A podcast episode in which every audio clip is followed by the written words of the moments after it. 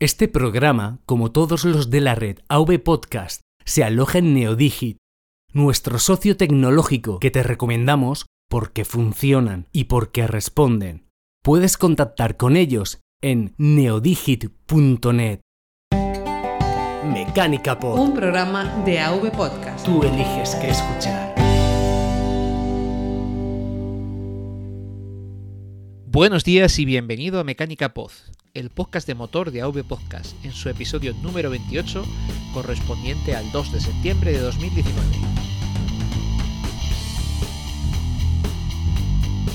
Buenos días. No, no, no, no nos habíamos muerto. Estábamos vivos. Ha sido imposible quedar a grabar, ¿verdad? Eh, En Galdácano, Pedro. Estábamos de parranda, no estábamos muertos, estábamos de parranda. Sí, bueno, además eh, en, en agosto es que fue muy gracioso porque eh, intentamos quedar y básicamente eh, no, no hemos sido capaces de irnos de vacaciones a la vez. Sí, te- te- sí. tú te ibas de vacaciones, cuando volvías yo me iba y viceversa. Ha sido perseguirnos por ahí, por las esquinas, pero bueno, no ha sido posible. Pero bueno, estamos aquí. Sí, bueno, yo creo que... eh, a, a ver, eh, ya, ya avisamos que este va a ser un episodio. eh, de hecho, le voy a llamar Cuéntame. Porque Cuéntame. tú, tú me vas a contar a mí, yo te voy a contar a, a ti, porque claro, no grabamos desde hace como dos meses o una burrada por el estilo. Madre mía, fuá. Bueno, hay gente peor que nosotros, ¿eh? que los de Cinemateca han vuelto después de ocho meses, o sea que tampoco, Pues, eh, que tampoco se nosotros- queje la audiencia, que solo nos hemos cogido unas esplendorosas vacaciones. Bueno, en realidad es que ha sido más una, una cuestión de, de- de- de imposibilidad, de no, de, no- coincidir. Oye, que a veces es que pues no se puede, simplemente, es que no hay, no hay más. Un, un año de estos yo tengo que probar, ahora que tengo el, el sistema este con el que grabo yo alguno de los podcasts, pues el, el Bala Extra, por ejemplo, que le pongo el, el Rode por Lightning, tengo que probar a ponérselo, por ejemplo, al iPhone y mantener contigo la conversación con los cascos a través del, a través del, del iPad o cosa por el estilo, ¿sabes? Grabar en un sitio la pista y mantener la conversación por otro lado, porque se puede realmente hacer un podcast como este en movilidad. Sí, Pero- sí, sí, sí. bueno, de hecho, te, te- te dije dos meses, no, han sido tres. El anterior episodio está grabado el 6 de junio, tío, Bueno, triste. Los dos Eh, somos un poco hijos podcasteriles de Hurtado y Hurtado es maestro, así que nos hemos dado unas vacaciones. eh, Hurtado style. O sea Y, que... y- y eso que empezamos la temporada prometiendo grabar cada 15 días. Oye, pero a ver, hemos grabado bastante en la temporada pasada, joder. Sí, sí, Me sí. estás, sí, me estás sí. haciendo, no sé, sentir mal. A ver, han sido tres meses al anterior. Del anterior al anterior eh, fueron dos meses clavados. Vaya. Eh, luego otros dos, eh, bueno, un mes y poco. Y luego sí que un mes, 15 días. ¿Cuántos episodios hemos grabado la temporada 2018-2019? Eh, un momento que, que tiro para atrás, hago Míratelo. scroll. hago, hago scroll. Pues eh, bueno, es que tampoco hicimos un parón como este año. Bueno, de hicimos- septiembre, de septiembre Sí. para adelante. Eh, mira, grabamos el 21 de agosto. ah, 20 de septiembre, 1, 2. Dos. 9 episodios. Bueno, pues no está mal. Nueve, pues eh, sale una media de uno al mes. Y además, oye, que nos los hemos calzado largos, ¿eh? Quiero decir que algunos han sido largos. Sí, sí, sí, sí. algunos han, sido, han, sido, han sido larguitos. Pero bueno. Hemos cumplido nuestra cuota de podcasting por la parte que nos toca, creo. Pero Sí, no, bueno, y luego aparte, eh, siempre podemos convertirnos en podcast anual como hay charlas. qué malo eres. No, a ver, Eres eh, muy- fu- eres muy fuera malo de con- coña, fuera de coña también, claro, hay que decir, tú también has estado haciendo cambios de, de- de horario y así un poco vitales, eh, Sí. que no han coincidido bien con, con mis horarios, Eh, Sí, pero bueno, yo sí, creo que bueno. ahora, ahora ya un poco con el inicio del curso, que bueno, al final en verano siempre eh, uno se lía más, sale más de casa y demás, yo creo que ahora con la llegada del mal tiempo... A será mí es lo que me ha pasado. que- sí. A mí es lo que me ha pasado, que, que he estado mucho fuera, incluso trabajando, que algunos días de agosto trabajé, pues, eh, pues no he dormido en casa. He estado durmiendo fuera, en Baquio o lo que sea. Pingo. Y entonces, pues es más difícil, ¿no? Aunque ya digo que se puede grabar en 4G, o sea, no hay ningún problema. Eh, incluso en el peor de los casos llevando el, llevando el MacBook eh, Air que utiliza ahora Guillermo. Pero bueno, un, día sí que lo vamos a probar. Me voy a poner yo en ese formato de grabarme con el.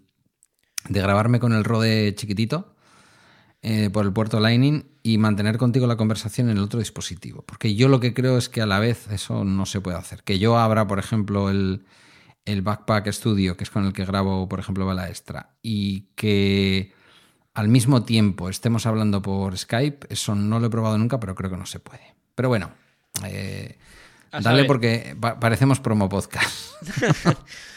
bueno, pues eh, tú me tienes que contar porque habías puesto sí. CarPlay en el León y además te había dado guerra y bueno, había, había habido ahí un poco, un poco de todo, así que cuéntame. Sí, sí, vamos a dejar lo tuyo, que es la bomba deportiva, lo vamos a dejar para el final.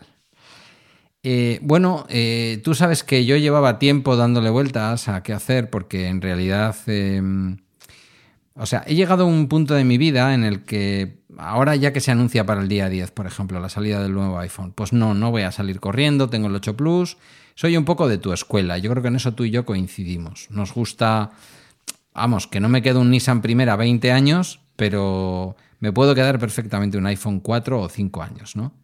Sin embargo, es verdad que hay algunas cosas que más allá de la moda, más allá de, ay, quiero tener lo último, son útiles, ¿no?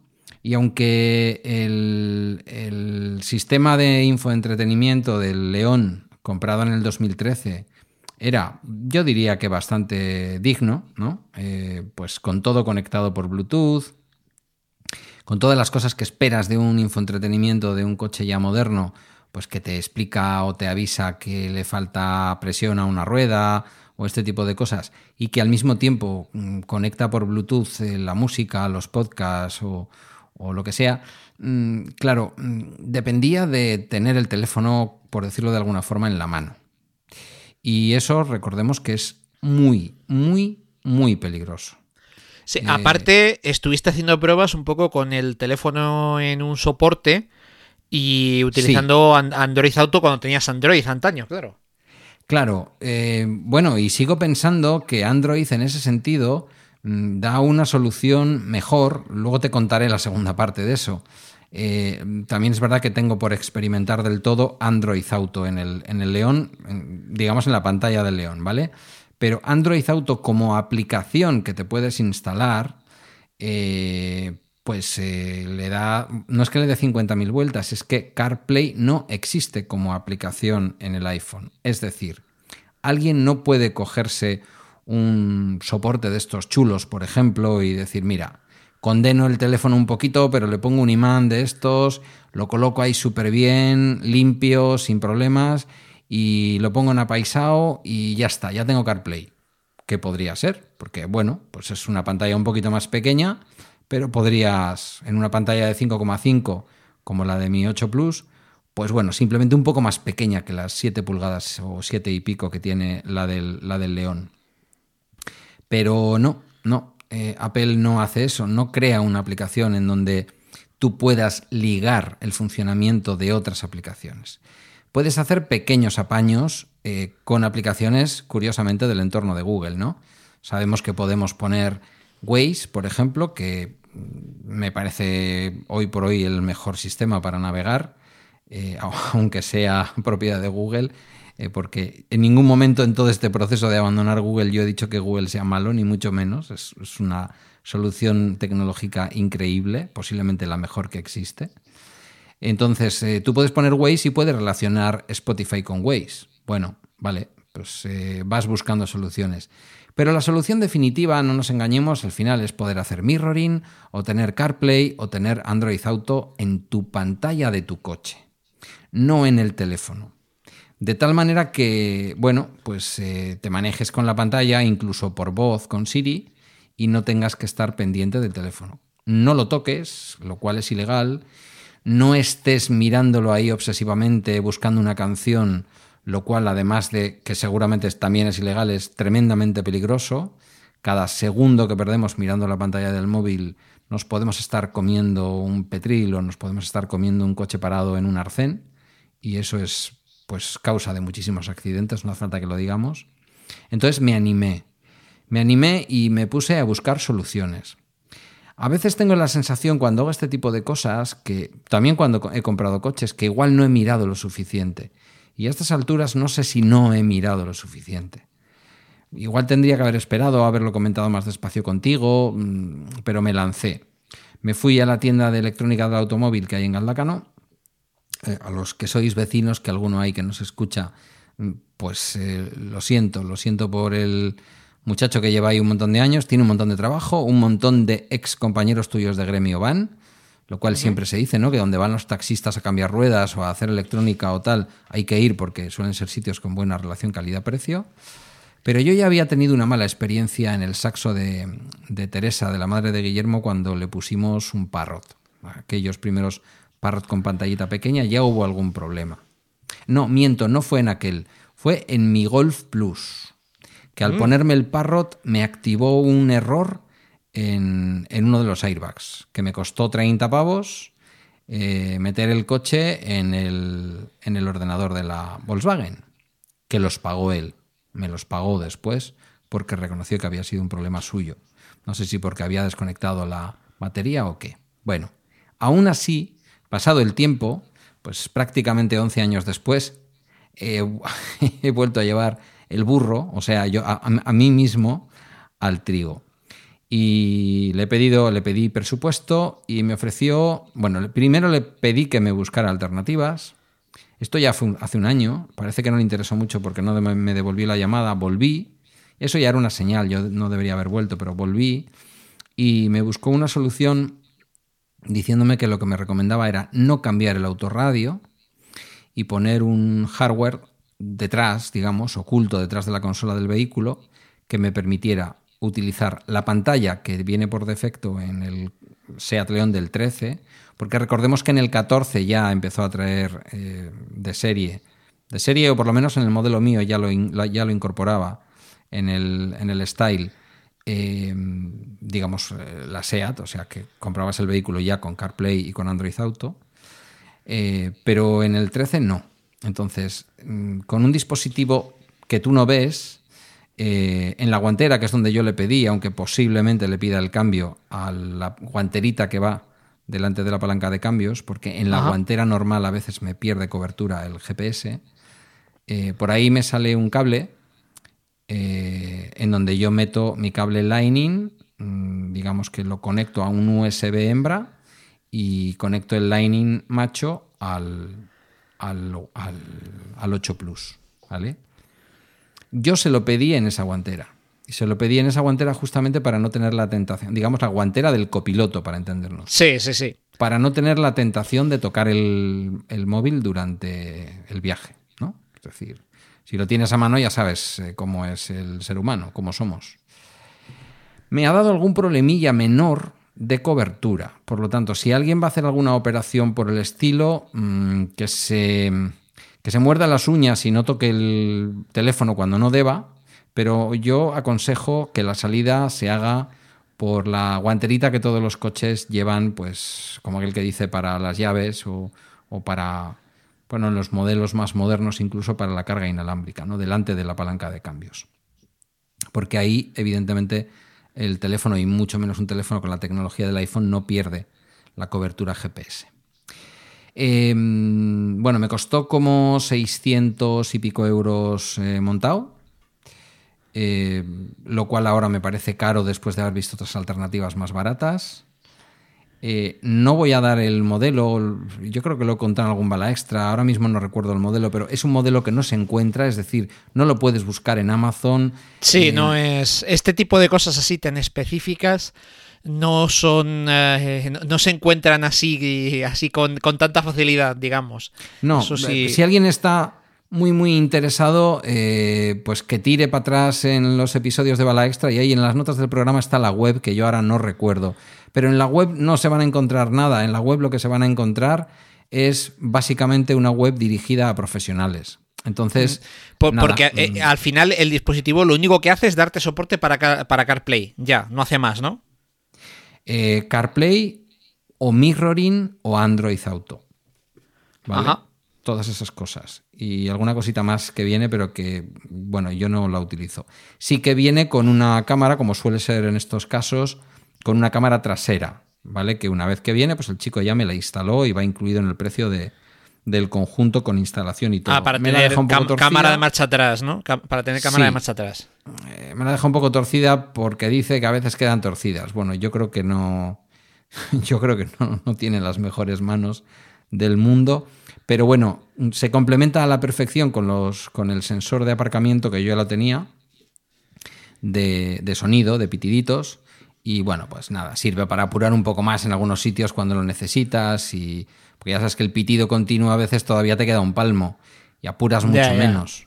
Sí, sí, sí. Eh, bueno, con la cámara te permite. Pero hay que andar con ojo porque la cámara al fin y al cabo es una especie de ojo de pez y, y te lías. Pero bueno, ese sí es un extra y está bien, ¿eh? es de agradecer, te acostumbras enseguida a ella y muy bien. ¿Qué es lo que me está pasando? Bueno, hay una peculiaridad. Mm, él me lo instaló y según me lo instaló y después de cobrarme convenientemente, no antes, después, me dice, bueno, eh, lo que pasa es que falta una cosita. Digo, "Ah, ¿y qué falta? Eh, falta que hay que ponerle un cable al puerto multimedia que viene dentro de la guantera del León, y esto es exactamente igual en todo el grupo Bach, y al menos también es igual en Mercedes, y de hecho es el mismo modelo de puerto. Hay que ponerle un cable eh, a ese puerto hembra, digamos, eh, multimedia del grupo Bach, con eh, un cable del que sale un mini jack macho. Y le dije, eh, quieto, mi teléfono no tiene mini jack. Y me dijo, no, no, no, no, tranquilo, no tienes que hacer nada con ese cable, solo ponerlo. Al poner ese cable en ese puerto, lo que ocurre es que se habilita en el infoentretenimiento del vehículo la posibilidad de elegir como fuente el, el- el auxiliar. Sí, sí, sí, sí. Si ese cable no está puesto, esto tú lo entenderás y muchos de nuestros oyentes mejor que yo, yo solamente sé lo que me ha contado y lo que he visto, si ese cable no está puesto, no hay posibilidad de elegir el auxiliar. Ese es un cable que a mí me venía en el León, pero que vete tú a saber dónde está. Estuvo muchos años en la guantera, pero yo creo que en uno de estos momentos minimalistas míos de quitar todo lo sobrante del coche, pues lo quité. Yo creo que ha estado años puesto, eh, sin saber muy bien para qué me podía servir. Y bueno, pues se necesita que esté puesto sin enchufar a nada, pero que esté puesto. Eh, me dijo que me iba a pedir el cable y durante un tiempo estuve funcionando por Bluetooth. Es decir, algunas de las funciones del teléfono era capaz de verlas por Bluetooth. De verlas como en CarPlay, pero de sonar por Bluetooth. Por ejemplo, la música de Spotify, por ejemplo, los podcasts, pero por ejemplo, no sonaban los mapas. Ni Google Maps, ni los mapas de Apple, ni Waze, ni las indicaciones, nada de eso. Fue cuando me. Bueno, eso, ya me explicó desde el principio que es que necesitaba ese cable. Al final me llamó cuando yo ya estaba de vacaciones, tres semanas después de haber hecho la instalación, muy mal por su parte. Yo ya había conseguido un cable, en teoría de peor calidad, en Amazon. Y hoy he vuelto a pasar, precisamente hoy, porque él volvía de vacaciones, para ver si el cable que en teoría le habían servido desde Valencia, pues me lo daba. Me lo da loco loco y no funciona nada. No me activa el auxiliar. Cuando me doy cuenta que lo que me ha dado es un cable hembra. Y esto no sé si tú tienes la razón técnica, me parece que él está perdido como un pulpo en un garaje, pero no me activa la opción auxiliar. Y recordemos que esto es por cable, que es un, es un CarPlay que funciona por cable. Entonces, si no tengo auxiliar, mm, pues es como si no tengo nada. Estoy funcionando de esa manera y bueno, estoy contento, moderadamente contento, aunque en algunos momentos, y eso es lo que tú me preguntabas, en algunos momentos tengo pequeños eh, reinicios, ¿vale? Reinicios en los cuales a veces se queda en. vuelve a la visión, digamos, normal de, de la interfaz del vehículo y se queda en auxiliar sin mostrar nada. Y entonces yo tengo que volver a pulsar auxiliar durante unos segundos para que se vuelva a activar la posibilidad de elegir entre iOS, Android, Mirroring y todas las opciones que da. Y otras veces eh, sufre ese, como ese pequeño apagón espontáneo y él mismo hace un reinicio de apenas un par de segundos o tres, en los cuales se ve como un telefonito con un circulito alrededor, como que se está reconectando, y me vuelven a aparecer las opciones para elegir iOS, Android y lo que sea.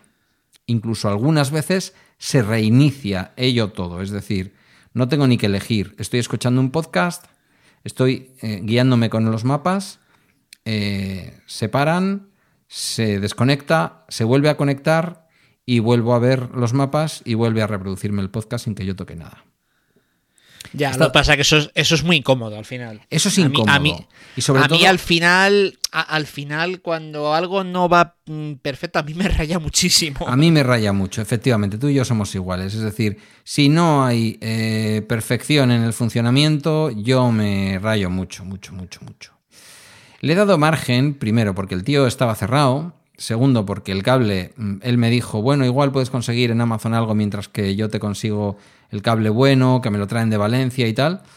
Entonces he supuesto pues un cable chino de 9 euros, a lo mejor era eso, a lo mejor era que estaba en iOS 13, en la beta, pero yo estoy ahora ya en 13.1, que es una mm, super beta estable que se supone que es ya prácticamente el sistema operativo acabado y un poco más. E incluso durante unos días, eh, bueno, no es verdad que no haya estado en beta porque suspendí la beta, pero yo me había quedado con la beta de iOS 13 instalada. Entonces, vamos a ver cuando llegue la Golden Master si el problema se resuelve. Es verdad que las incidencias de error han bajado considerablemente después de que haya leído en una página de soporte de Apple, de la propia Apple, que primero hay que encender el motor, no solo la electrónica del coche, porque yo lo que estaba haciendo, porque ya había leído algo, es darle a ese punto en el que todavía no has arrancado, pero ya está toda la electrónica conectada y conectar el teléfono. Eh, como literalmente pone, eh, no lo he mirado en inglés, que eso sería interesante ver cómo lo expresan en inglés, pero en castellano la página de soporte de Apple dice de CarPlay, enciende, el, eh, arranca el vehículo, y yo entiendo que eso en inglés tiene que ser arrancar el motor, no arrancar la parte eléctrica, arrancar, arrancar, y después conecta el teléfono. Y haciendo eso, en todos estos días solo he tenido un fallo. Entonces, bueno, si en varios días he tenido solo un fallo haciéndolo de esta manera, quiero empezar a suponer que no va a ser tan problemático. Yo hoy eh, le he advertido al chico, además de devolverle el cable, y me ha dicho, bueno, pues ya te buscaré uno macho. Le he dicho que le iré eh, informando porque estoy teniendo reinicios. Y lo tengo muy claro. Yo, si sigue habiendo reinicios, lo desmonto y busco otra cosa. Claro, hay que recordar que aunque pueda parecer caro, las alternativas que hay son, por una parte, eh, poner autorradios de bajo coste, mmm, iba a decir de fabricación china, lo que me ha puesto este hombre, Sí, pero seguro bueno. que se ha fabricado en China también. Sí, pero pe- pe- de AliExpress. De- de- Sí. que Yo creo que si decimos de AliExpress todo el mundo lo entiende. Cambia mucho. eh, yo lo he visto en muchos vídeos de YouTube, a mucha gente, gente de esta que, en fin, que restaura vehículos. Cambia mucho la experiencia porque a nada que tengas un poco de luminosidad en el vehículo, has perdido por completo la visión de la pantalla. Son pantallas muy, muy cutres. Él me De- lo depende, dijo así. ¿eh? No, no, eh, ahí no estoy de acuerdo. De- No. Depende de lo que pagues al chino. Eh, Bueno, te lo claro, digo como porque, todo. por ejemplo, eh, no, no, pero por ejemplo, eh, un par de amigos para sus Auris han puesto unas que qu- cambian el, la pantalla original de Toyota por una que simula físicamente ser la pantalla del Toyota, con Sí. la gracia de que viene, sí, te quiero decir, o sea, encaja en el hueco perfectamente y tiene el mismo estilo que la que quitas. En cuanto a la forma de los diales y demás. No es exactamente igual, pero es muy parecida. Y de hecho vienen preparadas con los mismos conectores que la de serie, de tal manera que es eh, plug and play. O sea, tú quitas una, desenchufas, enchufas y todo funciona. Y tienes en la pantalla lo mismo. Lo que pasa que, claro, corre sobre un Android eh, por debajo. Y eh, es un poco. Tienes que. A ver, funciona bien. Pero por ejemplo CarPlay es eh, un programa mayores y hasta que lo consigues hacer andar fino tienes que trastear con ello eh, bastante de configuración, digamos. Pero lo que es a nivel de pantalla, eh, y yo creo que les costó unos 200 y algo, creo que me dijeron, 250, una cosa así, se veía bastante bien, te diré. Bueno, puede haber, desde luego yo creo que puede haber alternativas eh, que no sean mucho peores que lo que yo llevo, mm, más baratas. ¿no? Al fin y al cabo yo también he utilizado ahí una persona que tiene pues sus horas de trabajo y toda la historia. Yo creo que no. Luego, luego te cuento lo que he puesto yo. Yo creo que en, el caso de este hombre, yo creo que no ha puesto muchos, porque dice que se pegó toda la tarde. Y le creo, porque yo pasé por allí varias veces y me dijo, no, no, no lo he acabado todavía. Yo creo que tuvo problemas, tuvo que andar llamando. En fin, me parece que no ha puesto demasiados. Y me extraña, ¿no? A ver, no me extraña tanto porque es mucho dinero, pero me extraña. Eh, claro, hay que recordar que la alternativa mm, FETEN es irnos a un Alpine o a un Pioneer, que ya nos va a costar seguramente por encima de los 1000 euros, ¿no?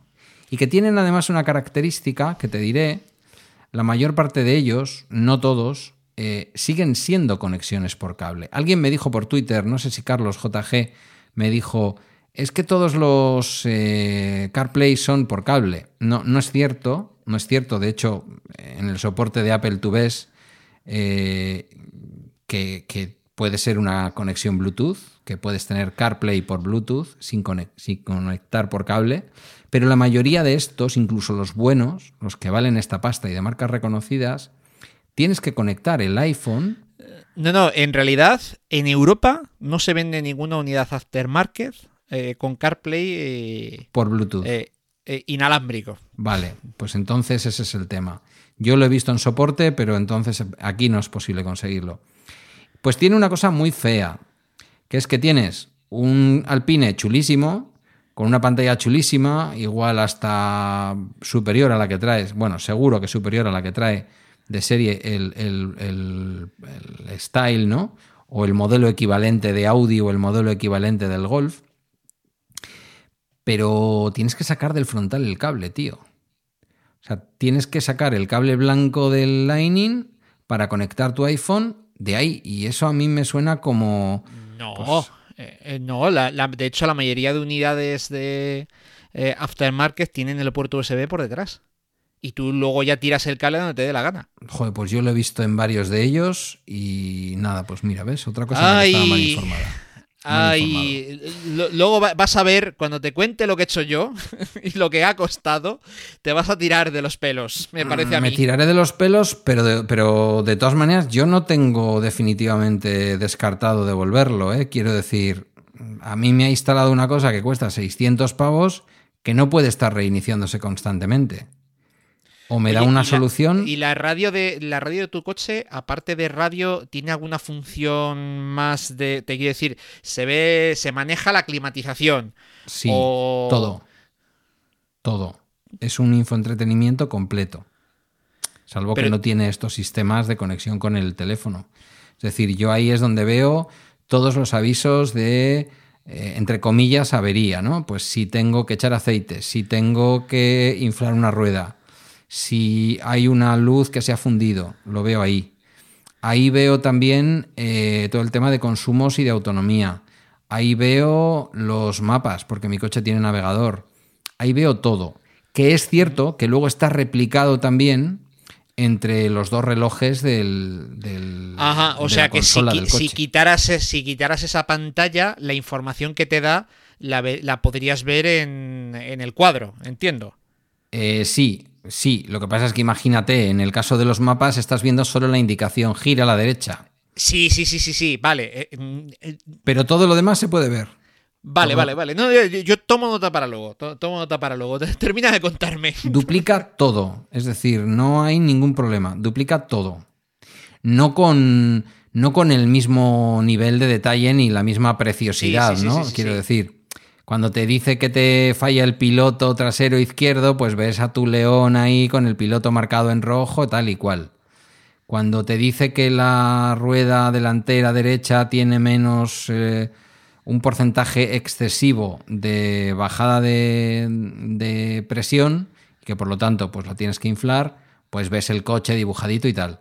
Eso, en los avisos que ves en la pantalla entre los dos relojes analógicos del vehículo, pues es una cosa de, no sé, pues poco mayor, poco mayor que el, que el Sí, Apple Watch que texto, llevo yo en la mano de imagino. 44 milímetros, ¿sabes? Sí. Eh, o, o los que tenga. Hombre, que no a- a- algo más sí, pero no mucho más. Sí, un poquito más. O el doble que como, eso. pero- como la pantalla de un iPhone de los primeros. Eh, sí, eso es. Más o menos. Sí, sí. Vale, vale, vale. No, no, Entonces- toma nota, toma nota. Calidad-precio, creo que he pagado caro. Eh, si todo fuera perfecto, no me convencerías ni me bajarías del burro. Pero las cosas no están yendo perfectas. Y es lo que tú dices. Quiero decir, mis desplazamientos no son de Bilbao a Córdoba. En donde si tengo dos reinicios de esos, pues no me preocupo. Es que yo voy de Galdácano a Hermo y de Hermo a Galdácano. Son 21 minutos, 22 minutos. Si me da dos reinicios, me rayo. Me rayo porque eh, vas manejando una serie de cosas y además vas conduciendo, no le quieres prestar atención a la pantalla. Entonces, bueno, así estoy. Mm, hoy ya le he marcado el territorio, ya le he dicho, oye, estoy teniendo reinicios. Tú te has ido en agosto, me has dejado sin cable, me he tenido que buscar la vida y lo que te digo es, yo estoy teniendo reinicios. Supongo que si me pongo un poco chulito con el asunto y le digo que quiero que me lo desmonte, que lo devuelva y que me devuelva la pasta, me dirá primero, no, primero vamos a probar con el cable, después vamos a ver que tu teléfono no esté en beta y alguna otra cosa. No sé si pasara también, tú que sabes de estas cosas, igual me puedes decir, a lo mejor el aparato necesita también firma, firma eh, ya lo diré, firmware nuevo.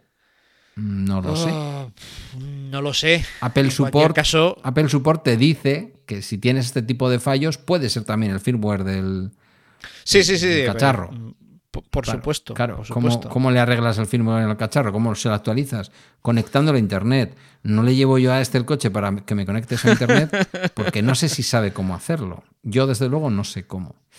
Entonces, claroscuros, ¿estoy contento? Sí, estoy contento. Y además, en estos últimos dos, tres días, con ese sistema de arrancar y enchufar luego, el nivel de fallos ya te digo que ha prácticamente desaparecido. Pero aún así me tiene un poquito preocupado. A mí las cosas si no funcionan soy muy trastorno obsesivo compulsivo. Si las cosas no van finas como a mí me gustan, me, me puedo poner, pero, pero que muy mosqueado.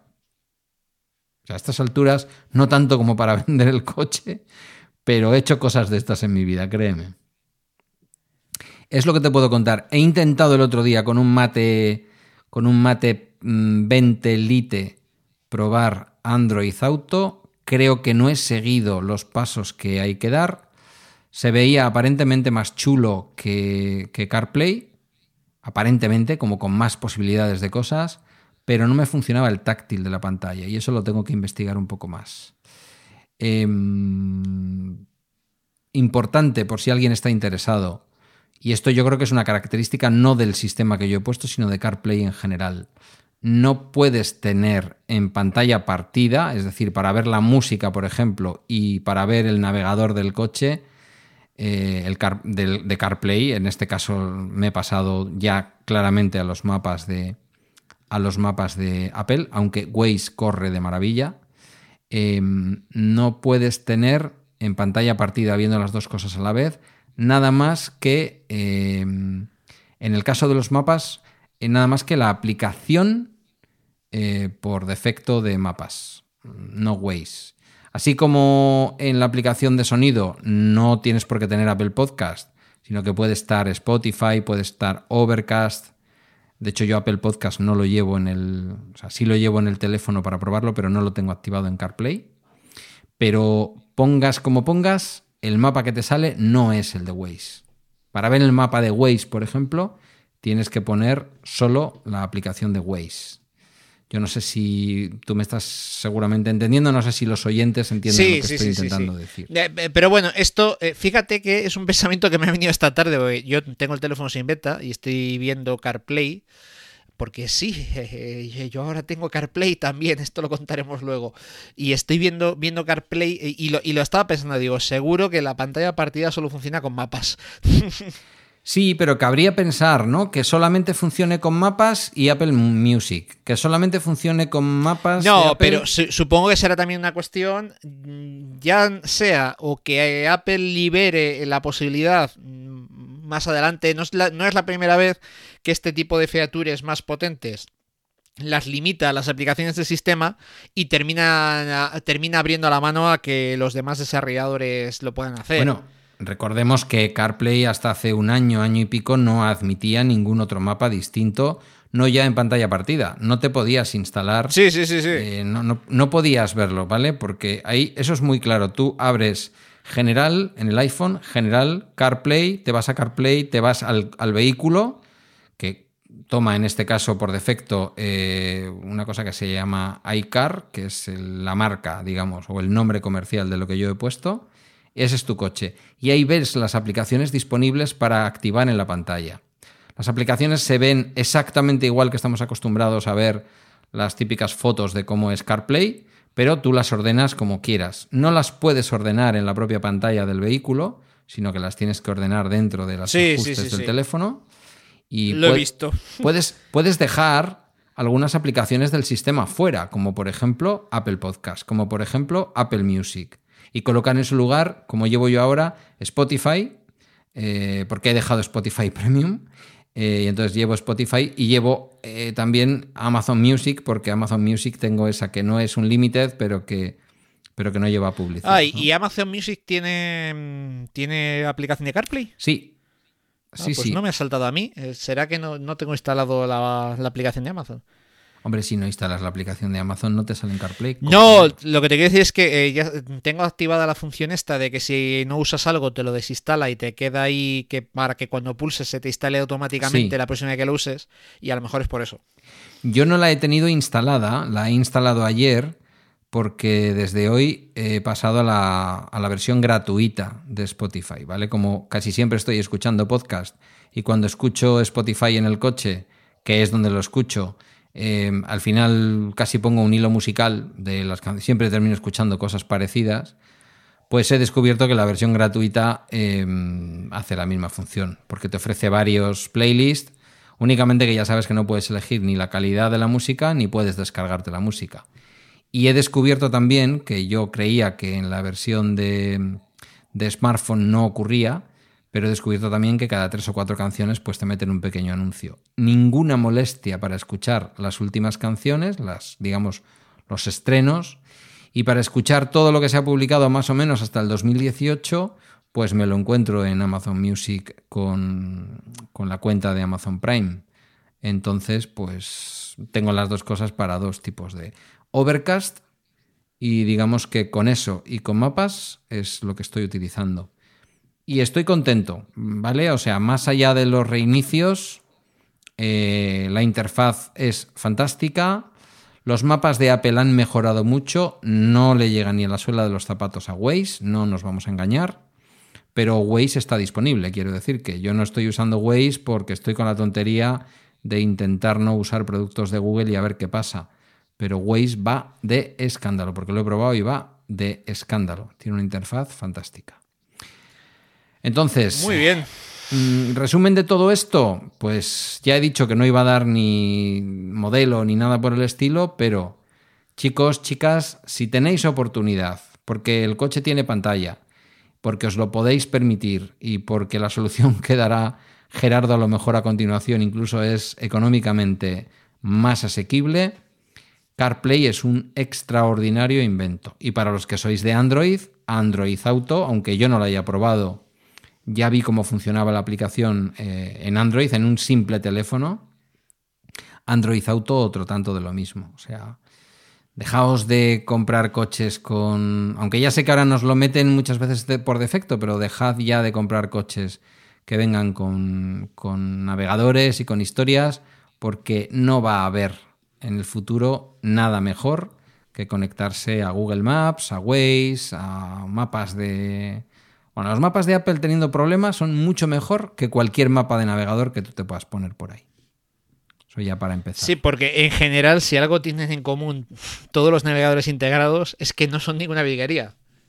No, porque mm, te vas como fui yo a, a SEAT eh, me compro el coche en el 2013, me voy en el 2014 para que me metan los mapas del 2014 y me dicen que los que me pueden meter son los del 2013, mi coche llevaba en realidad los del 2012 y que me cobran por ellos 200 y pico pavos. Y hombre, pues no, o sea, bromas las justas, ¿no?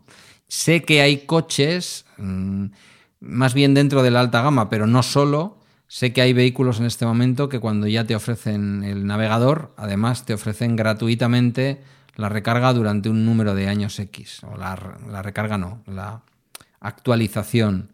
Pero tenemos que pensar que son actualizaciones muy lentas. Que yo con la tontería de usar mapas de, de Apple ya he mandado varios avisos de cosas que estaban mal. Los dos portales, por ejemplo, de mi edificio nuevo no estaban porque apenas tienen un año. Y bueno, he tenido una experiencia mejor de lo que había tenido en el pasado porque han hecho caso a mis aportaciones y, ya están. Entonces puedes señalar comercios. Digamos que se han agilizado un poco más, se han Google mapizado, por decir de alguna forma. Entonces, en ese sentido estoy más contento. Eh, ¿Sería mi primera opción para ir a una ciudad desconocida? Pues posiblemente no. Eh, también te digo una cosa, y con esto acabo ya. Mm, son algo más transparentes a la hora de dirigirte el tráfico. No señalan de una manera tan clara dónde están los embotellamientos. Pero yo ya me he dado cuenta que en verano me manda a entrar a mi casa por la salida de la autopista que está cerca del centro del pueblo, porque en el centro del pueblo no había tráfico, pero ahora me manda salir un poco antes, que entro por detrás y evito el tráfico del centro del pueblo.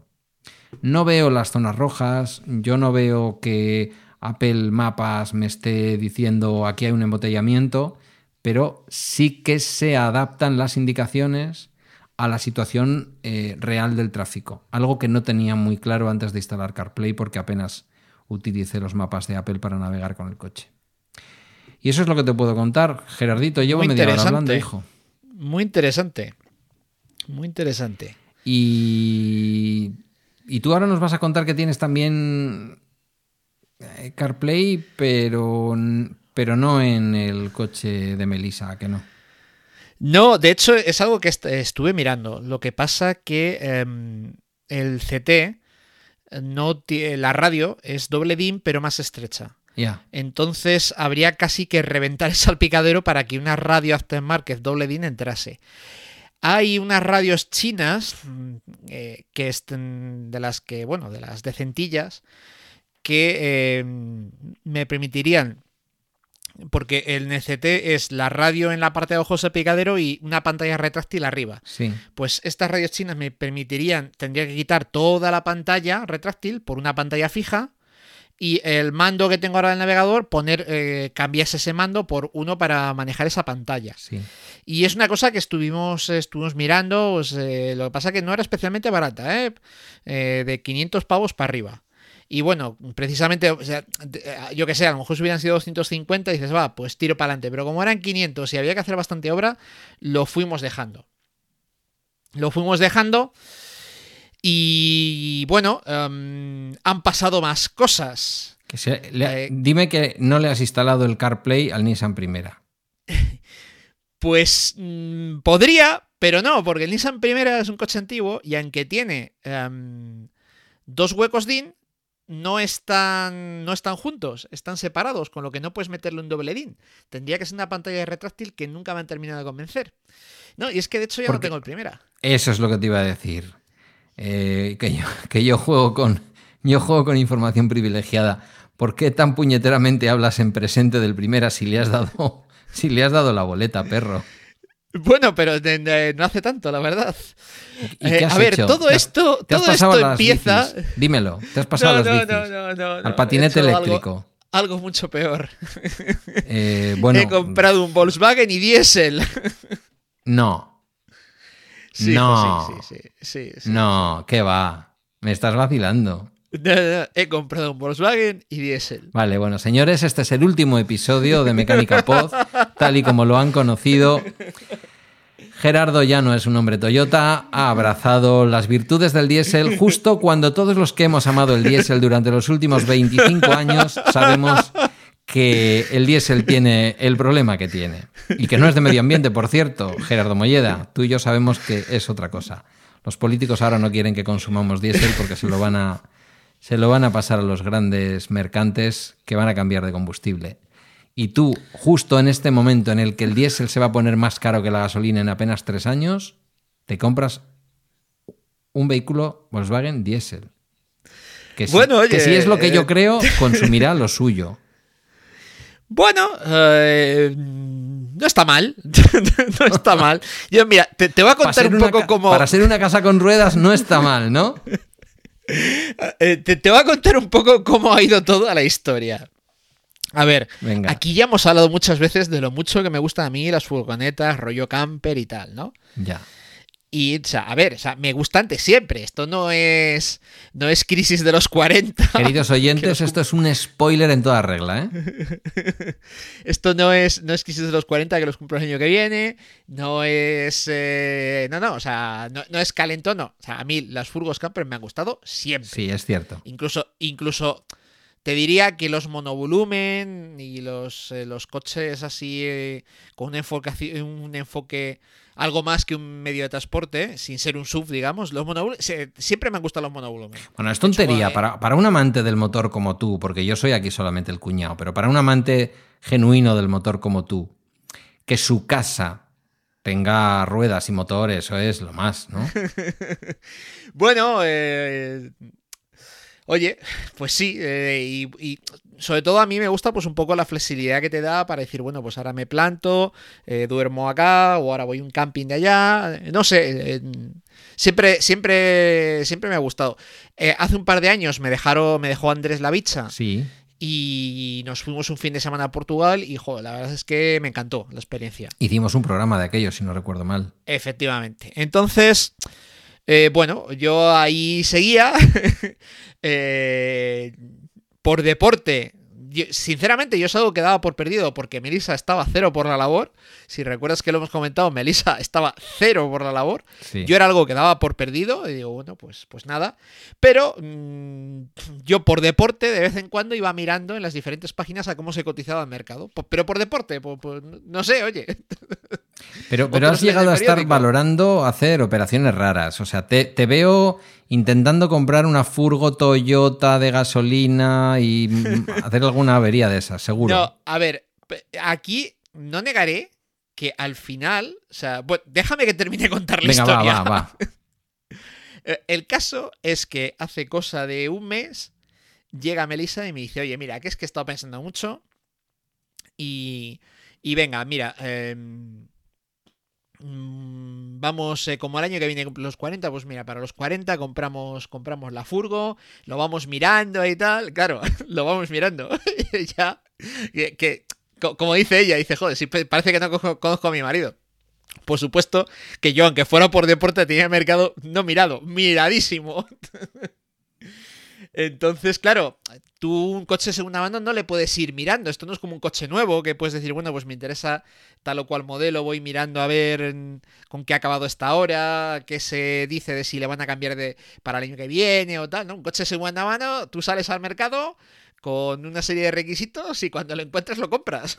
En un mercado dinámico como es el de el de las autocaravanas, las No, y, y en general, y en, gen- y en general todo. eh, Sí. en, en España, lo cierto es que es un mercado de segunda mano que es, eh, tiene bastante movimiento. Sí, Eh, ya no hay tanta diferencia de precio con otros mercados europeos como había antes.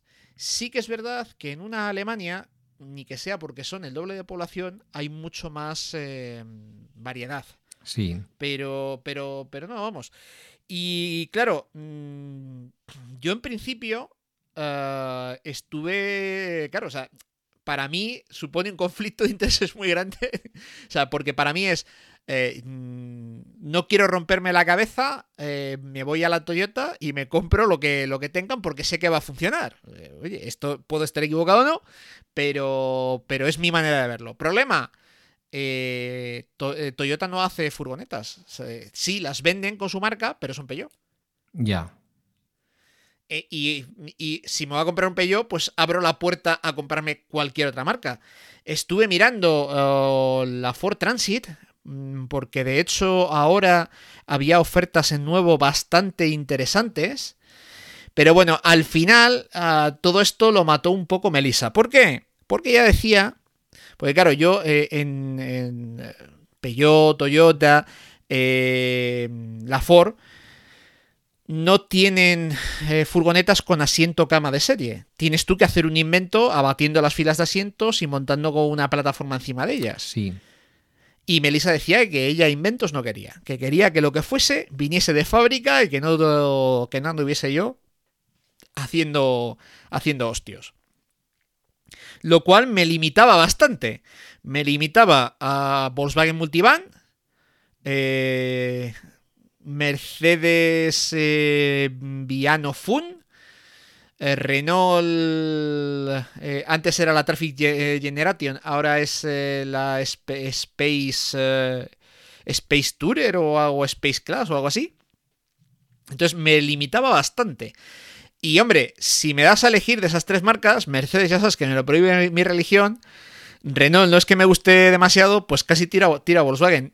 Aparte también por una, una cuestión, y es que dentro del mundo furgo o camper, las Volkswagen son las más buscadas, son las más caras de comprar, también lo son de vender. Y yo esto me lo he planteado como es un capricho y eh, como, pues, como tal voy a comprar algo que eh, pueda vender con facilidad si dentro de un tiempo descubro que no es lo que yo pensaba. Hay que decir una cosa que seguramente nuestros oyentes conocen, porque yo lo tengo cerca con una compañera que toda la vida han hecho, en este caso, caravaning, ¿vale? No nada de autocaravana ni nada. El marido es eh, ex compañero tuyo, o sea, él sigue en el gremio del taxi. Eh, posiblemente este mundo de las caravanas, de las autocaravanas y de las furgo camperas eh, sea el único mundo en el que puedes encontrarte que tu vehículo no pierda valor.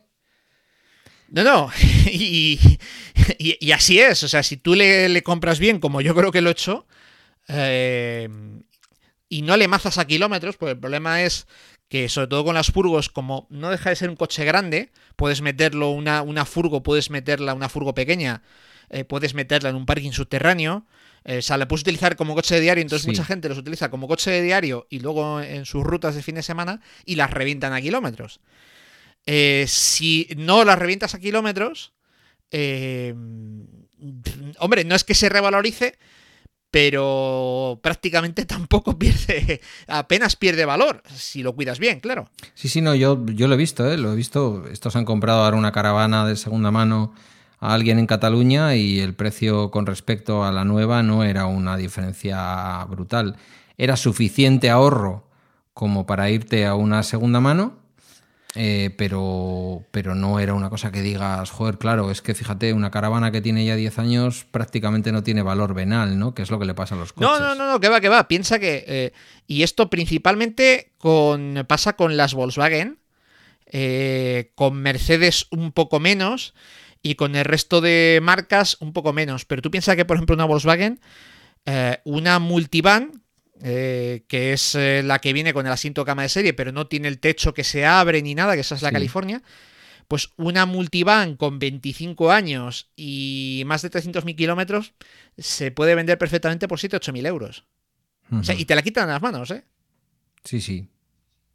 O sea, es una auténtica locura. Entonces, eh, bueno, ya, ya digo, al no haber una alternativa a Toyota, al estar limitado, pues eso, Mercedes, eh, Mercedes, eh, Renault o Volkswagen, y sinceramente, Mercedes ya sabes que me lo prohíbe mi religión, y Renault nunca me ha gustado en exceso tampoco, Y mira que es Eh, producto de la tierra, ¿eh? pero no.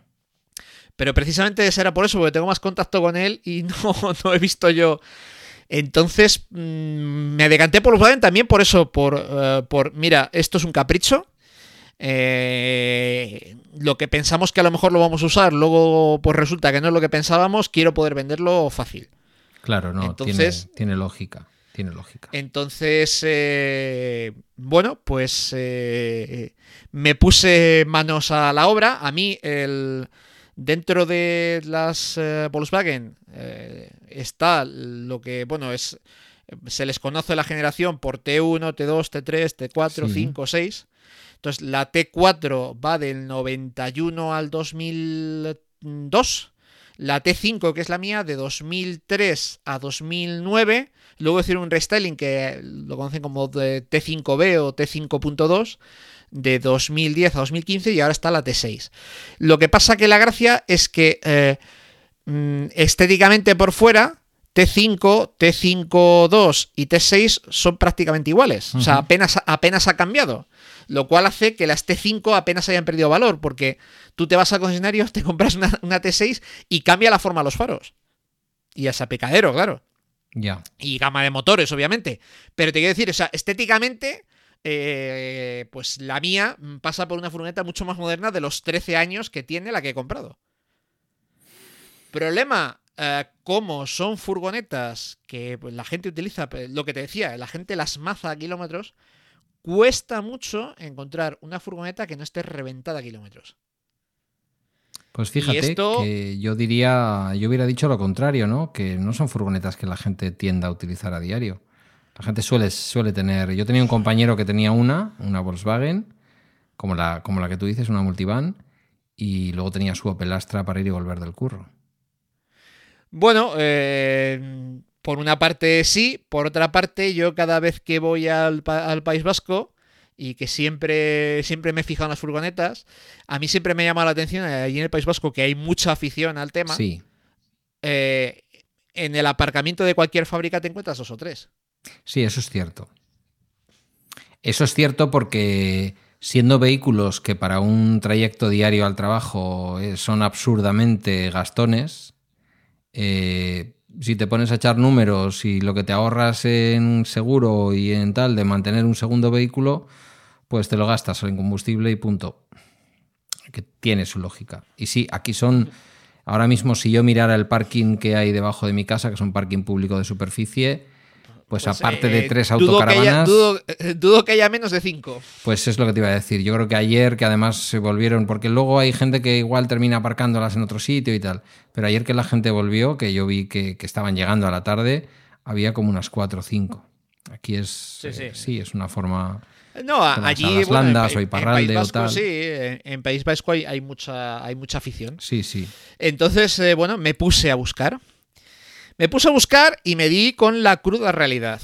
Eh, y es que el 80-90% de las que veas están traídas de Alemania. Y de, ese 80-90, eh, gran parte de ellas parece que según pasan los Pirineos se le caen los kilómetros. Cuesta mucho encontrar una que tenga un historial, o sea, que, eh, por defecto, como consejo. trucado el kilometraje. Sí. Por, lo, cual es un delito. Sí, pero mm, a nadie parece importarle. Eh, yo diría que eh, de igual manera que tenemos la presunción de inocencia, aquí hay la presunción de culpabilidad. Los kilómetros están trucados, salvo que te demuestren lo contrario. ya. En ese sentido es interesante la quien te pueda presentar una buena hoja de mantenimiento. Incluso un libro de mantenimiento sellado se puede llegar a falsificar. Joder. Eh, lo único que em, es más. Bueno, en esta vida todo se puede falsificar. Pero lo único que te va a dar una cierta garantía, porque pones a falsificar eso ya es hilar muy fino, es como en mi caso, que yo, la mía sí que tiene todo el libro de mantenimiento sellado. Eh, pero también me han dado todos los papeles de la ITV de, todos los años. entonces, claro, en, el papel de ITV viene la fecha de kilometraje. Entonces vas componiendo la historia de incluso hasta la factura de cuando le cambiaron la distribución con 90.000 kilómetros. Y eso en, en ese mundo hay que decir que puede ser algo común de encontrar en alguien que ha hecho las cosas bien. Quiere decir que es gente muy metódica, que quiere mucho su vehículo, que le ha costado mucho dinero y que piensa como tú lo estás pensando ahora, que en algún momento quizás lo revenda. Entonces, sí, sí, quien hace las cosas bien guarda los papeles. Claro, y luego aparte, una cosa que, me, ha, dado cuenta, he podido ver facturas de, de, bueno, del anterior dueño, y eh, lo que llega a la conclusión es que la gente, siempre se ha dicho que en Alemania la gente mantiene muy bien los coches, que todos los coches alemanes están muy bien mantenidos, no me extraña, porque, a ver, es evidente todos sabemos que un alemán de media ga- gana más que un español, ¿no? Claro. O sea, donde aquí eh, un sueldo de 1.000 euros ya es un sueldo majo, allí andaríamos ya más en los 2.000, casi. Esto, eh, bueno, a, a lo mejor algún oyente me, me corrige, pero, pero un sueldo de 2.000 euros no es un sueldo raro allí. ¿No? No, en lo que yo conozco Alemania, eh, la familia con la que estuve y teniendo en cuenta cuál era la cuál era el nivel de estudios y el tipo de trabajo en imprenta que tenía el padre de familia, no, su poder adquisitivo evidentemente es mucho mayor que el nuestro. En un país en el que los precios no son mayores que los nuestros. Ten en cuenta que son, Es que eso es lo que te iba a eh, decir. son los inventores visto- del Aldi, del Lidl y de Claro, ese tipo claro, de no, no. consumo. Es ¿eh? que yo he visto la factura del cambio de distribución en 2012, me parece que, que era. Sí, en 2012. eh, en la Volkswagen, 680 euros. Que me parece barato hasta para la Volkswagen de aquí. Sí, sí, sí, ya te digo que no, no tengo yo la sensación. Hay países alrededor, incluso la propia Francia, que en algunos aspectos pueden resultar más caros, pero Alemania es un país bastante proletario en ese sentido, al menos en la zona en la que yo estuve. Tampoco Entonces, claro, si, eh, si el mantenimiento de- de- del coche te cuesta, entre comillas, la mitad que, que me cuesta a mí, es normal que la gente pues pase todas las revisiones en la casa, incluso cuando tiene 13 años la, la furgoneta, pues tiene todas las revisiones pasadas en la casa. Bueno, pues eso está muy bien. Entonces, tu vendedor es un importador de Alemania, es un particular en Alemania. No, no, es. eh, eh, a ver, eh, estuve dando muchas vueltas. Y ya te digo que eh, lo que encontraba. mm, o no tenía historial. Y luego, aparte, había una historia. En esta generación, en la T5, eh, eh, había tres motores. Eh, el 1009 de 105 caballos. Como el que tuviste tú en el Golf Plus, yo creo. Sí, claro, inyector bomba. Y luego había dos 2500 de 130 y de 174. Problema, los 2500 son motores muy delicados. Son buenos motores, pero son muy delicados. Requieren de un mantenimiento muy escrupuloso eh, para, pa- para asegurarte de que están bien. Y además son motores que por el diseño que tienen, cuando fallan, fallan con todo y revienta el motor entero. o sea, no tienen medias tintas, no se rompe un poquito, no, no, no. Eh, si rompe, rompe todo. Entonces tú buscabas Encima, el de además, 105. Efectivamente, aunque para los 2.000, casi 2.200 kilos que pesa la furgoneta, pues hombre, eh, te soy sincero, ahora que la tengo y me he hecho el viaje desde Santander que la he comprado, eh, no le sobra ni un solo caballo, las cosas como son. Sí, pero no tiene 105, ¿eh? eso tú y yo también lo No, no, no. Y eh, claro, efectivamente, yo es un motor que tuve en la, en la Turán y estaba tranquilo porque yo al menos en la Turán pues, mis 20 caballos extra tenía. Sí, sí, ese motor es era verdad 120. que- Yo recuerdo haber visto pruebas en Autofácil y creo que en donde más caballos eh, mostraba en banco de pruebas era en el Skoda Octavia y se le sacaban 132 caballos, o sea que Sí, sí. eh, aquí vamos a suponer que sean 120 caballos. sí, sí, sí, ese era el Y de hecho es más, el 2500 de 130, eh, pues... si, si en vez de decir que son 105, yo te digo que tiene 120, no pensarías que, que le falten caballos, ¿no? Pues eh, porque al final mucho de esto es mental.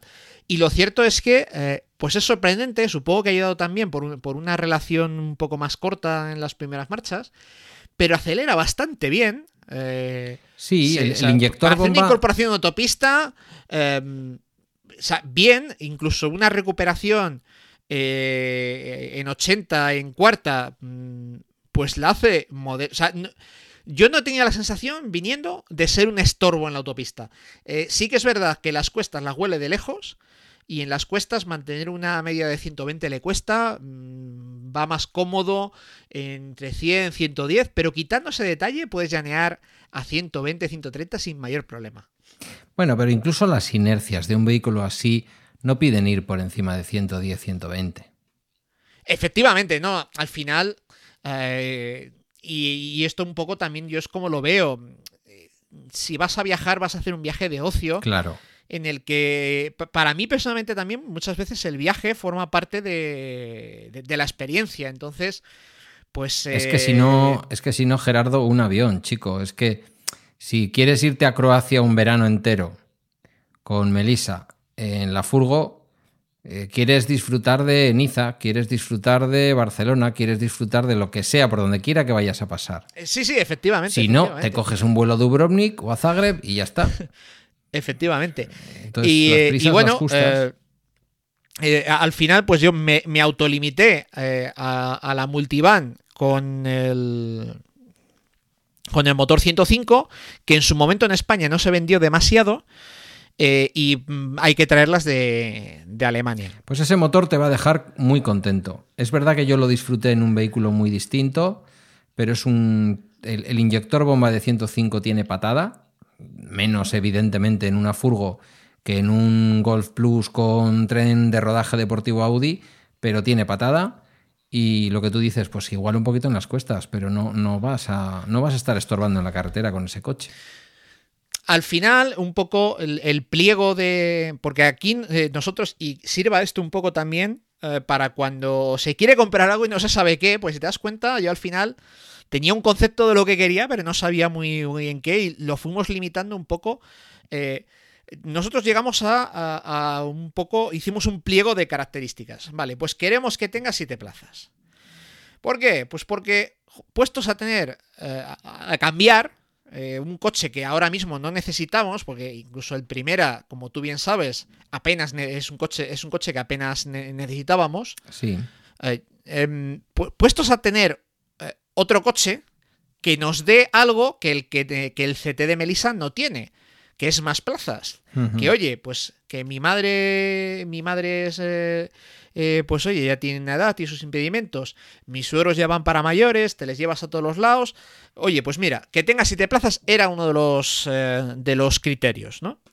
Otro criterio, en, en este caso puesto por Melissa, es que lo que fuera tenía que venir de fábrica, no se quería inventos. Y aparte, eh, pues le dábamos eh, bastante, digamos que la clave a la hora de elegir el modelo ha sido la versatilidad. ¿Y la versatilidad cómo la obtienes? Con un suelo, que como tiene la multivan, de carriles, de tal manera que te permite eh, eh, adelantar o atrasar los asientos dependiendo de lo que tú quieras. Eh, luego, aparte, entonces mi multivan tiene dos asientos adelante, fijos, no se, no se pueden girar. Dos asientos en el medio, que estos se pueden girar. eh, tienen el, cinturón integrado, con lo que lo puedes poner hasta, hasta de medio lado, aunque Volkswagen solo recomienda circular o hacia adelante hacia atrás, no de medio lado, pero bueno, te deja girarlo. Eh, se pueden plegar e incluso se pueden sacar de los, de los carriles si quieres. Y luego un, un banco eh, de tres plazas que se pliega y se hace cama. Se, eh, se- se- se pliega, se hace cama eh, utilizando los dos pequeños eh, plegados. Y que también va por carril, que tú podrías adelantar, por ejemplo, para que tú y Melissa vayáis a hacer una compra al IKEA, por decir algo, eh, apilar, digamos, todos esos asientos hacia adelante y ya está. Efectivamente, efectivamente. Entonces, la clave de lo que nosotros buscábamos era versatilidad. Que luego, yo que sé, a lo mejor dentro de un par de años, una vez que hayamos hecho unos cuantos viajes, nos damos cuenta que buscamos otra cosa. Pero ahora mismo era- lo que Bueno, buscábamos. tenéis un vehículo de, hecho- turismo, ojo, y tenéis un monovolumen, como tú bien has explicado, para toda la familia. Efectivamente. eh, Melissa decía que más de, un, más de un par de noches por ahí durmiendo en la furgo, ella no lo veía. Que, oye, que, que sí, que está muy bien, pero que una ducha a todo el mundo le gusta. Entonces, no vamos a camperizar, no vamos a hacer muebles, no vamos a hacer nada. Eh, la furgo te da la posibilidad de dormir una o dos noches eh, por, por ahí y siempre te puedes apoyar en camping que tienen los servicios. Ergo, encima además, eh, como tampoco es que la sobre la potencia, pues no la vamos a cargar con trastos, ¿no? Entonces, sí, eh, pues para poder dormir y ya está.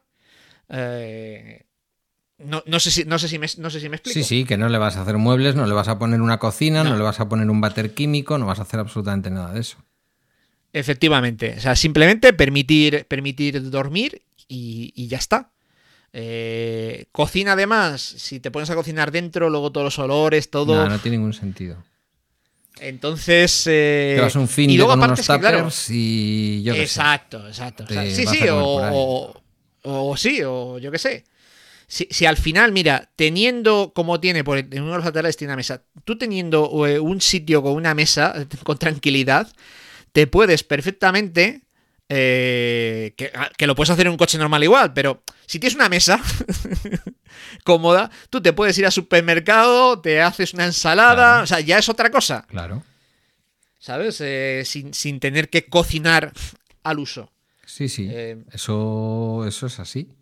Y luego, ojo, otra, otra historia importante que hay que reseñar. Y es que cada vez es más difícil que puedas eh, realmente aparcar tu furgoneta en cualquier sitio y pasar la noche. Hay un montón de sitios en donde eso no es posible. Con lo cual, si te vas a ver obligado a ir a un camping, pues ya está. Los servicios del camping van incluidos en el hecho de que tú aparques la furgoneta ahí por la noche y contrates una, dos o tres noches de camping para dos personas. sí, sí, sí, sí. efectivamente. Pues me parece muy buena compra. ¿Nos vas a decir cuántos chines te ha costado o eso es secreto de sumario? Yo me, me- me pones en no soy un periodista, eh, pero a ver que sí. aprieto. A ver que no pasa nada. No. Pues si, si estamos forrados, todo el mundo sabe que esto del podcasting da un montón de pasta. eh, Furgo de 13 15 años, 400. kilometraje. 155.000. Eh, Y, y- y me ha costado encontrar por debajo de 200. Vale, mm, estamos hablando de más o menos de 10.000 pavos. Me voy a poner como broncano aquí, joder. más. Más de 10.000. Y es barato. O sea, no, no, a ver, fuera de coña. La, eh, la gracia de esto es que las 2500 están más baratas que las 1900. Aun habiendo sido en su día más caras, como el motor es delicado, eh, la gente lo busca menos y la gente busca la 1900. Robustez, claro, robustez. Porque no vas a Eh, llenar eso con un par de criaturas detrás, además, y la vas a poner a 140. Es absurdo. No, no, no, no. Exacto. Entonces, ¿Por debajo de, 100 de, de eh, 15.000? eh, justo ahí. Vale, pues ya está. No falta que nos Un digas poquito más. Un poquito Bueno, más. parece una buena compra, ¿no? Bueno, piensa que esa cacharra nueva en su día costaría. Casi 50. Bueno, ahora mismo eso nuevo, eh, con un acabado similar, cuesta de los 50.000 pavos. Eso es lo que te iba a decir, casi 50. Bueno, lo que te iba a decir no, lo que te he dicho, casi 50.000. Y sí que es verdad que este es. eh, porque luego dentro de estas. de esa época había tres acabados. eh, y digamos que eh, hicieron una cosa que es el acabado Starline, que es por dentro.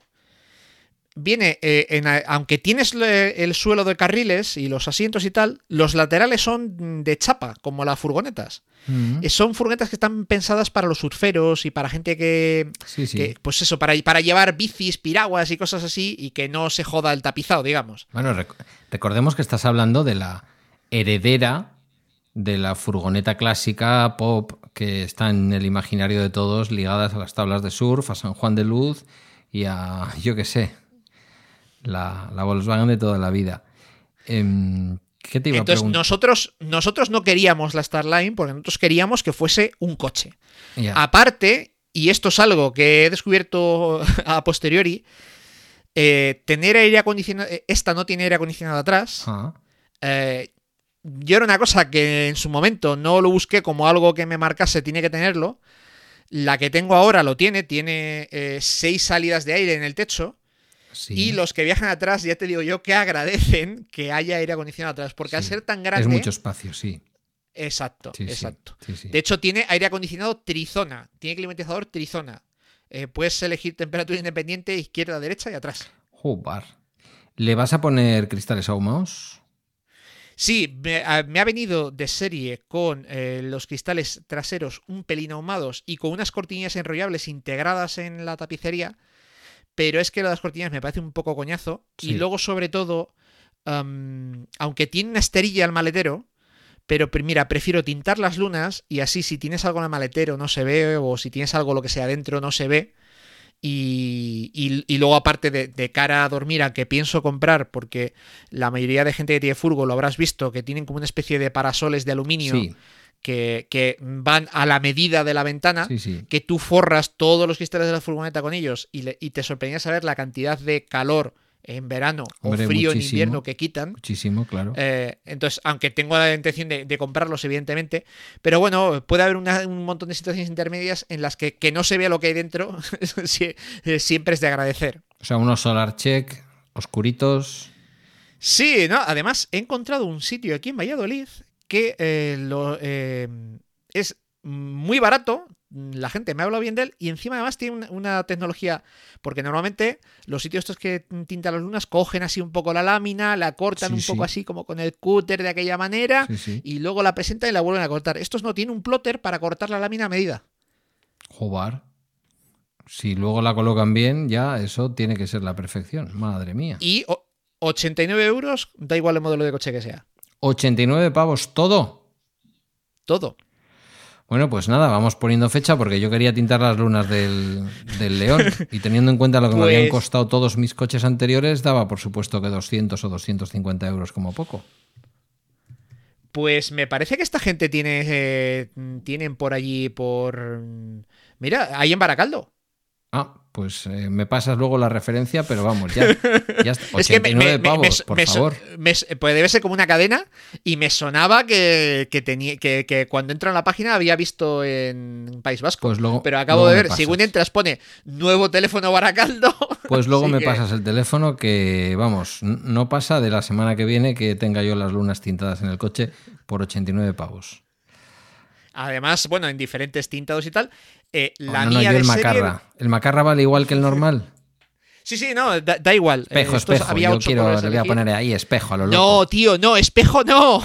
tío, no seas así. de Pues mira, te voy a decir una cosa. Que encima en coche blanco queda horroroso. En el Golf Plus no, en el blanco no, en el blanco y teniendo en cuenta el negro piano que lleva el que lleva el león en los en los portantes de las puertas, en los eh, entiendo que el negro, el negro, el- pues eh, sin más, el oscuro, que ese fue, eso lo tenía yo en la Scenic, pero sin embargo en el Golf Plus le puse eh, le puse unos que por un lado eran espejo, pero iban como degradando. Y, no- y no quedaba tan no mal. me gusta nada. No quedaban tan mal. Pero bueno. Bueno, en- Bueno, entonces, eh, solo te falta dejar tu trabajo y, y montar un Cabify. Eh, curiosamente, hoy que, que me he cruzado un semáforo con un antiguo compañero, pensé que eras de Uber. Es lo que te iba a decir. Eh, eh, l- luego de serie me venía también, aparte del, del climatizador, sí. eh, no me viene con toda la velocidad crucero, pero en los coches del grupo BAS de aquella época se puede poner a posteriori. Estoy trabajando ya para. Y la verdad es que estaba por ponerlo yo, pero la pieza cuesta unos 130 euros. Eh, y un taller dice que, que me lo hacen 180 y mira, por 50 pavos me ahorro 4 horas de maniobra. Las cosas como son. Hombre, pues sí, está bien. Hay que generar empleo. Em, color. A ver, déjame adivinarlo. Verde, gris oscuro. Eh, no. Dame una pista. Plata, gris plata. Ah, vale, gris plata. Bien. No, eh, eh, no era el color que más me gustaba, Ah, pero pues bueno, esto mola. tampoco. Cuando. Sí, no, está bien. O sea, cuando lo vas a buscar es un poco lo que, lo que encuentras. Tiene el acabado este como intermedio, con todo tapizado por dentro y tal. Y, y un color bueno, que te va a quitar algún grado también de dentro, ¿eh? Ojo. Sí, sí, sí. esto también hay que, hay que tenerlo en cuenta. Y venía con un navegador de serie de la época, de 2006, porque es de enero de 2006. eh, ha pasado toda su vida en Tübingen. Aparte, bueno, me la dieron, tenía. eh, porque eh, este. Ya, eh, ya te digo, estuve mm, valorando ir a Alemania. Pero al final en Alemania ah, andaban entre 13 y 14 mil. Y más o menos traértelo de Alemania es unos 2.000 euros. Bueno, esto depende del tipo de vehículo. ¿Por qué? Porque más o menos en gastos entre, gesto entre ponerlo a tu nombre allí, Sí, sí. eh, bajártelo, el viaje, y, eh, ITV, tasas de tráfico, eso es estándar, da igual el modelo. Y eso viene a ser unos 1.000, eh, 1.200, 1.300. eh, pues eso, el- claro, ahí depende lo que te cueste el vuelo, el alojamiento, el coche alquiler, los días que necesites para encontrar lo que buscas, etc. ¿no? Um, pero luego tienes que liquidar el impuesto de matriculación como si lo hubieras matriculado por primera vez eh, aquí. Ya. Claro, esta furgoneta al ser antigua pagaba un 14% No está. sobre, sobre, sobre la factura original. Si te coges una más moderna, eh, pagas un, un 9 por el tema de los tramos de emisiones. Sí. Entonces, eh, más o menos eh, unos 2.000. Entonces, eh, entre 13, 14 más 2.000 se acercaba bastante a lo que este compraventa eh, me ofrecía. Y luego encima hablando con él, como el mundo es un, pa- un pañuelo, resulta que era conocido de nuestros amigos de la Toyota de Santander.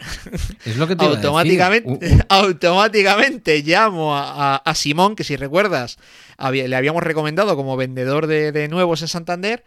eh, le llamo a, le llamo a, a Simón y oye, le digo, oye, ¿y este y tal? Sí, sí, va, sin problema, lo que él te diga, es un tío muy legal. De hecho, el coche que tengo yo de segunda mano se lo he comprado a él. Pues, ¿qué más quieres, no? Claro, eh, Pero todo pasa por ese hombre en Santander. ¿Qué está pasando? sí, sí, yo eh, los coches los compro en el norte.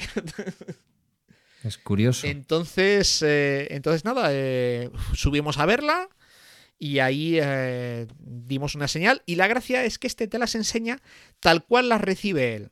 Y él además eh, me lo dice, eh, te, te lo dice, dice, mira, yo aquí no quiero tener problemas, por lo tanto yo solo traigo las 1900. Y para asegurarme que está bien, yo solo traigo furgonetas que anteriormente solo han tenido un único dueño. Vale, y una pregunta clave en toda esta historia, porque ya sabes que hay una cosa que se dice, que se dice, ¿no? Eh, los vehículos de Alemania, con el frío, el hielo, la sal de las carreteras, tienen tendencia a la oxidación. Un vehículo de 13 años, ¿cómo está en ese sentido? Eh, pues a ver, mm, tiene algo de óxido superficial en los trapecios de la, de la suspensión, eh, que no es nada descabellado, Sí. al mismo nivel que cualquier coche de por allí, con esa edad. Tenía unos puntitos de óxido en los bordes de las puertas, que eso ya ha sido saneado. Y ya, el chasis a nivel de óxido, eh, sin problema. Pude echar un vistazo y, y sin problema. Yo creo que eso también pasaba cuando antes eh, no se... eh, los coches no tenían los tratamientos con los que ahora salen de fábrica en los bajos. Entonces, eh, yo creo que en coches medianamente modernos no es. Y si no, pues, hombre, siempre te puedes agachar y con una linterna enseguida ves, ves si, si se está cayendo a trozos o no. Sí, bueno, eso está claro. Pero bueno, que es- que, Entonces, está cuidada en ese eh, sentido, que no, que no tiene grandes Sí, no, se, se nota además incluso por dentro, aunque está usada y evidentemente la, la tapicería se ve que tiene un desgaste, el, salpic- el salpicadero, ya sabes tú que los de coches de grupo A de aquella época utilizaban ese plástico como gomoso que tiende a levantarse. Sí. Eh, evidentemente está usada eh, y bueno, pues tiene marquitas y rocecitos aquí y allá, pero se ve que estaba cuidada. Por ejemplo, el anterior dueño no fumaba. Eh, porque el cenicero está nuevo. Uy, qué interesante es eso, Y- madre mía. Sí, sí, sí, sí. Entonces, bueno, pues eh, mira, un amigo dice- decía, dice, yo dice, estoy convencido de que este señor no tenía críos, porque por, de- por- por detrás está muy bien cuidado. Eso me decía. Así que, bueno, si te llamas Franz y vives en Tübingen, Alemania, puede que tu antigua multivan esté en mi casa. Deja de llorar por ella porque está en las mejores manos posibles. Entonces, eh, nada, eh, y la gracia es lo que te decía, este te las enseña tal cual las recibe él. Y él dice que él las, las coge a, pues a, generalmente, bueno, a, pues eh, a mayoristas de allí y él las busca eh, con un único dueño y con todo el historial de registro. Y si no, no las trae. Y te las enseña tal cual bajan de camión. Esto es, si tiene rocecillos o lo que sea de chapa, tú lo ves. Sí. Entonces, en mi caso, tenía un espejo agrietado, un, un bollín en la puerta, la puerta corredera, una- unas, eh, unos rozoncillos, pues ya está. Eh, y él me la ha dado pintada. ¿Qué pasa? Que si yo veo una furgoneta y veo que tiene todo el morro pintado, tú no sabes si tiene todo el morro pintado porque tiene un- una señora leche o porque son rozoncines. Está claro. Es mucho mejor que tú veas el motor sucio y todas las cosas y que el tío te diga que, se, que te garantiza una limpieza de motor y un saneado de la chapa que que tú te preguntes qué había ahí antes, ¿no? Efectivamente, efectivamente. Sí que es verdad que en este caso el motor estaba limpio. Y además se lo dije al tío, digo, mira, por lo poco que te conozco, me extraña que tú hayas limpiado este motor. Y, eh, y por la cara de sorpresa que puso, eh, y fue corriendo a ver el capó, dice, mira, estos que me la han debido limpiar ellos, porque hace poco me han traído una que, que, tenía hasta un vómito de un niño en la parte de atrás, y me quejé, claro. Y dice, será, será de esto. Sí que es verdad que, bueno, dimos una vuelta y, y, bueno, pues no vi ningún tipo de mancha en el suelo donde tenían parada ni nada. Aquí es un poco jugármela eh, porque el motor estaba limpio, pero bueno, Porque en esto este no sé aspecto si lo hemos también... dicho alguna vez. No hay que comprar coches de segunda mano con el motor limpio. Efectivamente. Hay que ver que la si está, se si está distribuye limpio, uniformemente. No, y, y- exacto, hay que ver que la, que la suciedad, por dónde está la suciedad y por qué. En este caso, eh, bueno, oye, pues me ha dado, me ha dado una cierta, la, la persona en sí me ha dado un cierto... Ya digo, cuando le he dicho que el motor estaba limpio, la cara que me puso, o era muy buen actor, o porque, ¿sabes cómo te digo, no? Y me, me dio una cierta confianza en ese aspecto. Y luego aparte tengo un año de garantía. Es un, un año de garantía eh, contratada que lo da una, una empresa que además desde aquí yo creo que voy a recomendarla. O sea, a mí, no, no- a, mí nadie me ha dado nada ni me ha, ni me ha rebajado nada por esto. Pero me han tratado muy bien y em, en este caso he contratado con Ibérica de Garantías por 320 euros todo un año de garantía total en lo que son, eh, claro, todo lo que no es pieza de desgaste, obviamente, pero es- esto sería igual que, una garantía de coche nuevo, eh, por 320 euros. Bueno, no, no está nada Y- mal. No, no, no. eh, garantía total en todo, menos en lo que es de desgaste. Me dan una tarjeta eh, para recost- eh, descontar 7 céntimos el litro en gasolineras BP.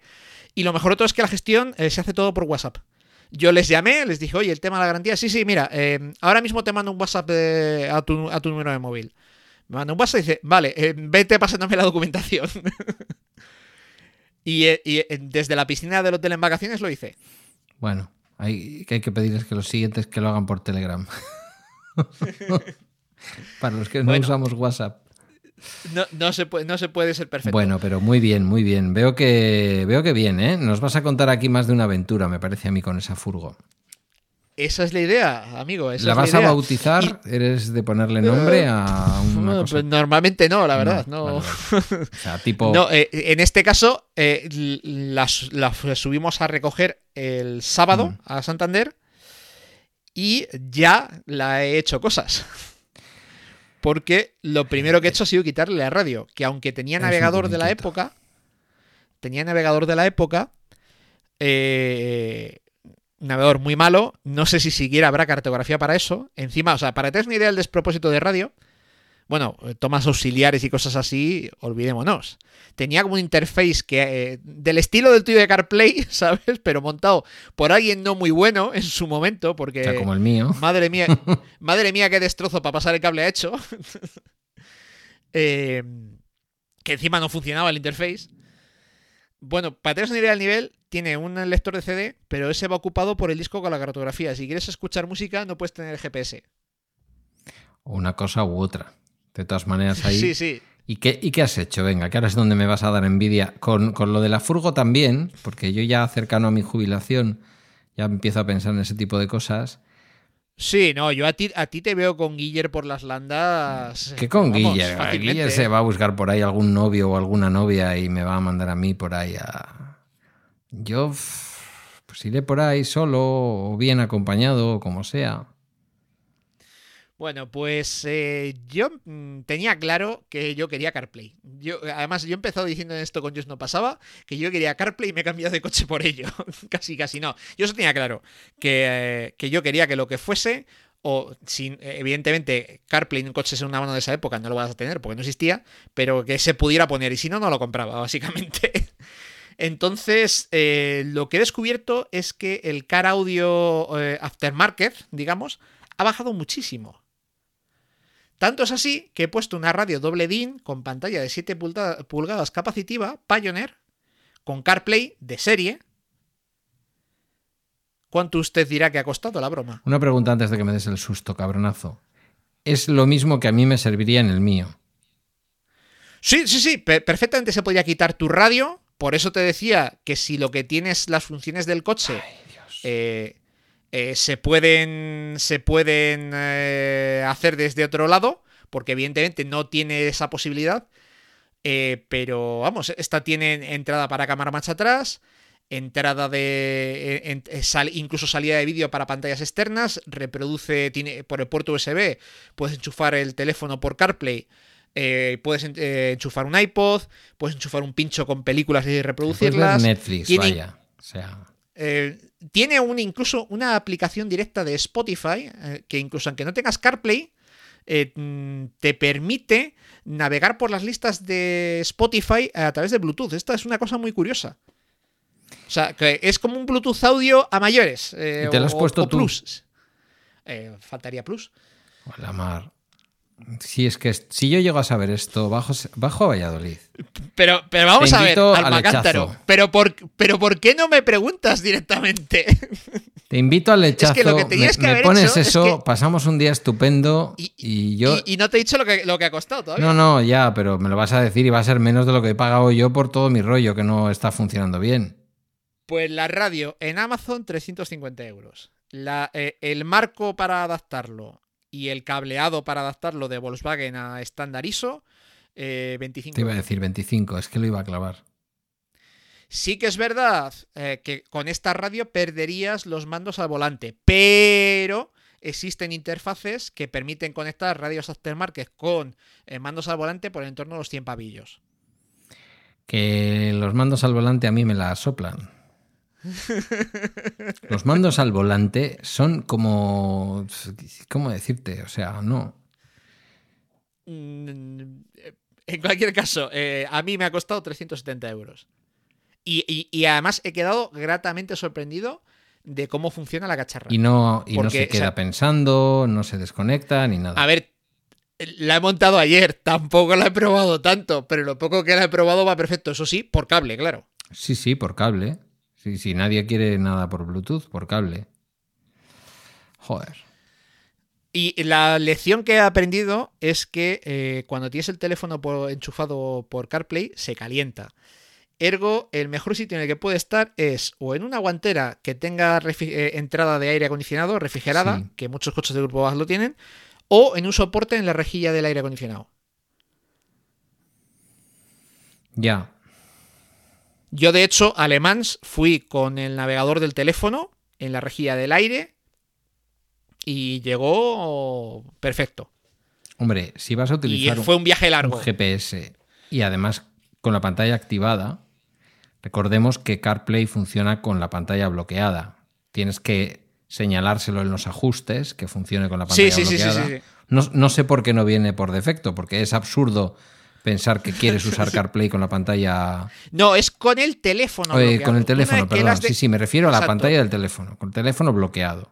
Pues, na- pero es una cuestión de seguridad, porque si no, alguien para acceder a tu, a tu, a tus datos, o sea, y además solo lo pide cuando no se conocen, digamos, cuando no permites eh, el, el, eh, eh, a ver cómo me Eso, explico. desarrollamelo, que no te estoy entendiendo. Sí, sí que, a ver, eh, Yo le he tenido que decir a CarPlay que permita seguir funcionando. Mejor exacto. dicho, le he tenido que decir al, al iPhone que permita confíe- seguir funcionando CarPlay con el, con el teléfono O sea, tú- bloqueado. Claro, no, no, pero aparte, ah, son dos cosas diferentes.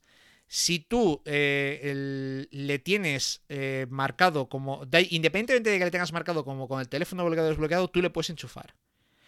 Si, eh, si lo tienes marcado como funcionar con el teléfono desbloqueado, funciona. Pero eh, tienes que darle a confiar para que no te pregunte cada vez que lo, que lo enchufes. Y no he hecho la prueba, pero entiendo que datos eh, sensibles no te dejará acceder. Vale, esto No encuentro la manera de desconfiar una vez que he confiado. para nuestros oyentes, que no son en este caso los de esto con Jobs no pasaba o no todos, eh, es decir, que algunos tienen Android. eh, También tiene Android Auto. Eso es lo que te quería Android. Auto. vale. De hecho, Pioneer tiene un aparato muy curioso que además cuesta, es muy barato, unos 90 euros, que es un radio, un DIN normal, pero que tiene como una especie de soporte de teléfono integrado para que utilices tu teléfono como pantalla de Android Auto. Pues mira, no es una mala solución. Sí, sí. Y, y además bara- eh, baratísimo, 90 euros. La, la historia del Pioneer este es que no tiene navegador integrado, ni GPS integrado. Dependes del GPS del teléfono. Pero es que si quieres usar CarPlay ya lo vas a hacer. por lo tanto, pagas solo por lo que necesitas. Claro, claro, yo estoy utilizando todo el rato el GPS del teléfono, eso es así. Pues no sé, depende de cómo acabe esto. Yo creo que va a ser difícil. Si sigo teniendo problemas, si no los tengo, bien empleado está el dinero, ¿vale? Aunque sea prácticamente el doble de lo que te ha costado a ti. Mm, si sigo teniendo problemas, evidentemente yo le voy a pedir que me lo desinstale. Entiendo que estoy en mi derecho. O sea, esto como consumidor no funciona. Esta es la factura. Eh, devuélvelo. O sea, ya lo siento, haber elegido mejor. Y en ese caso nos vamos a comer un lechazo. Al lechazo invito yo y tú me ayudas con lo otro. No, si, si además, eh, vamos, es re- rela- relativamente sencillo. Eh, así que ya ves, Pues me alegro mucho. ya ves. lo- lo- eh, luego te mando, te mando una foto. No sé si me debes Y- mandar esa foto. Igual me cabrea un poco. Pero bueno, Y en cuanto, en cuanto a la- al consumo que me decías, eh, hicimos 400 kilómetros para bajar porque nos tocó bajar por Aranda sí. eh, para pasar a por mi tío. Y bueno, sí que es verdad que hubo de esos 400 kilómetros por nacional sería unos 100. Mm, algo más, no, algo más. Ah, serían a lo mejor 150 por nacional, una cosa así. Y me salió una media de marcador de 7,8 No está mal que para serán serán 8 con medio litro más, imagino. Cierto es que al no tener control de velocidad crucero es em, difícil mantener una velocidad constante, que es lo que hace que, que- que tengas un consumo más. Entonces, que se bueno, a eh, a, ver si. No, no, o sea, vamos a ver. Pisar el pedal de acelerador como si estuviéramos en el Pleistoceno, pero en 2019. no, no, no, no. Estoy no. totalmente de Servidor acuerdo no. contigo. Es más, eh, de hecho yo después de esos 400 kilómetros del tirón, mi sensación es, oye, qué descanso he llegado. Porque sí que es verdad que con todo lo cómodo que es el CT, cuando llevas unas cuantas horas la espalda, oye, pues salir una posición más tumbado te termina, oye, te termina tirando. Mi sensación fue, ostras, qué descanso ha llegado, pero cuánto me duele el pie derecho. Claro, porque no estás acostumbrado a ir pisando el acelerador. A mí, a mí me pasa que yo ya no me acostumbro a ir pisando. Incluso con mucho tráfico por las mañanas meto el 105 y, chico, ¿qué quieres que te diga? Es que no hay nada mejor. Entonces, sí, sí, y, y ya te digo, y la verdad es que muy contento, ya es, es la ilusión que, que tenía. Pues De hecho, cuando me has llamado antes, me has pillado en la, en la cochera eh, jugando con las eh, configuraciones de los asientos para arriba, para abajo. Eso responde a la última pregunta que te iba a hacer. ¿Dónde la vas a guardar? Eh, en mi garaje, porque claro, el primera eh, no tenía sentido eh, tenerle. mm, Porque es un coche que apenas usaba y el, el uso que hace ese coche lo puede hacer la furgo perfectamente. Entonces le he vendido que esto ha sido otra, me la han quitado las manos. Eso es lo que te iba a decir. Lo has achatarrado, pero no, lo has vendido. No, no, lo he vendido por casi lo que me costó. Madre mía. De hecho, es más, tenía que haber pedido más. Porque he tenido lista de espera para ese coche. Bueno, En tres días. pero está bien. Está bien. No, y también eh, se la lleva un chico que yo creo que lo va a cuidar, que, ten- oye, pues puestos, eh, pues yo he pensado, digo, esto vendrá cualquier criajo, lo destrozará en dos días. Pero no, se la lleva un chico de Zamora, ya ves, empezó en Palencia, Valladolid, ahora Zamora, irá subiendo al norte poco a poco. Eh, y, y, nada, te digo, en- le, anuncié el sábado pasado, bueno, el anterior, perdón, y el martes vino a verle un chico de Zamora y me dijo que se lo quedaba. Bueno, pues perfecto. Y ya te digo, tenía lista de espera. y de hecho, mira, quería agra- agradecer a, a un par de, de oyentes del programa en, en, tele- en- en Telegram y en Twitter que anunciaron ellos en, Twitter el, el coche. Eh, eh, convertidor de par, creo que es el, el nick. Eh, bueno, me, me- me lo puso también el coche que digo, me dan ganas de comprarlo yo otra vez. No, pues eh, le acabas de hacer un favorcillo a alguien que seguramente por el precio que ha pagado y el tipo de vehículo que estaba buscando, igual no se puede permitir gran cosa, probablemente para ir al curro. Entonces, pues... No, no, no, este, bueno, no sé para qué lo quería, pero lo ha cogido porque, mm, oye, pues como la este- por, por la estética que tiene, ¿eh? O Ah, sea, sí, no, ¿eh? no buscaba un hierro de mil pavos en general, sino que el, no sé si buscaba un primera en concreto, pero desde luego buscaba algo un poco racing, digamos. Y oye, los vaquers recaro, pues llamaban la atención. Bueno, bueno. Hombre, es que tú también eres un pijo de muchos pares de narices. A todo esto, eh, la furgoneta le he sacado un segundo juego de ruedas al vendedor. Y encima, negociante. Bueno, con educación en esta vida se llega a todos los sitios. Bueno, está bien. ¿Estás contento? Eh, sí, eh, oye. mm, decía Melissa el otro día de, de- de cachondeo con unos amigos que la crisis de los 40. Digo, no, no, perdona, perdona, perdona, perdona, perdona. Digo, cuando llevamos dos o tres años, tú me regalaste por cumpleaños una maqueta de una T2. Entonces quiere decir que de aquellas, hace 15, 20 años, ya me gustaban las furgonetas. Ahora tenéis un vehículo con espacio suficiente para llevar carritos de bebés y todo. Eh, ¿Por qué todo el mundo me dice exactamente lo mismo? De hecho, todo el que me ha visto con la furgoneta, o gran parte dice, pero vais a tener Tú críos. sabías que yo te lo iba a decir y los oyentes estaban esperando oírlo. No, o sea, no hubiera sido un buen cuñado si no te lo hubiera preguntado y tú lo sabes. Ya, ya, ya, ya. sí, Ahora sí, tú eliges, te vas por la tangente, que es lo que estás haciendo, y me parece estupendo. No, bueno, oye, yo. Sin conocer a Melissa, Mira, conociéndote a ti, mm, serían niños felices, fíjate. Sí, sí, probablemente. Pero, mira, te, te soy sincero. Antes siempre. Ya no, no, no, no digamos la excusa. Pero el tema de los críos eh, era una cosa que con la mierda de horarios que teníamos Melissa y yo. A ver, no voy a decir que sea imposible, porque la Eh, gente pero- los tiene y con peores no horarios y se taxi, apaña. eh, oiga. Espera, dije- te que no he dije- acabado. Te dije que te iba a trolear con lo de la Volkswagen Diesel, pero te estoy troleando con lo de los niños. Entonces, eh, en, en- en su momento, pues eso, eh, eh, con la mierda de horarios que teníamos y tal, Sí, yo no lo veía. sí. Y para andar que las abuelas anden cargando, pues mira, mi madre por lo menos está más para que la cuiden que para cuidarla.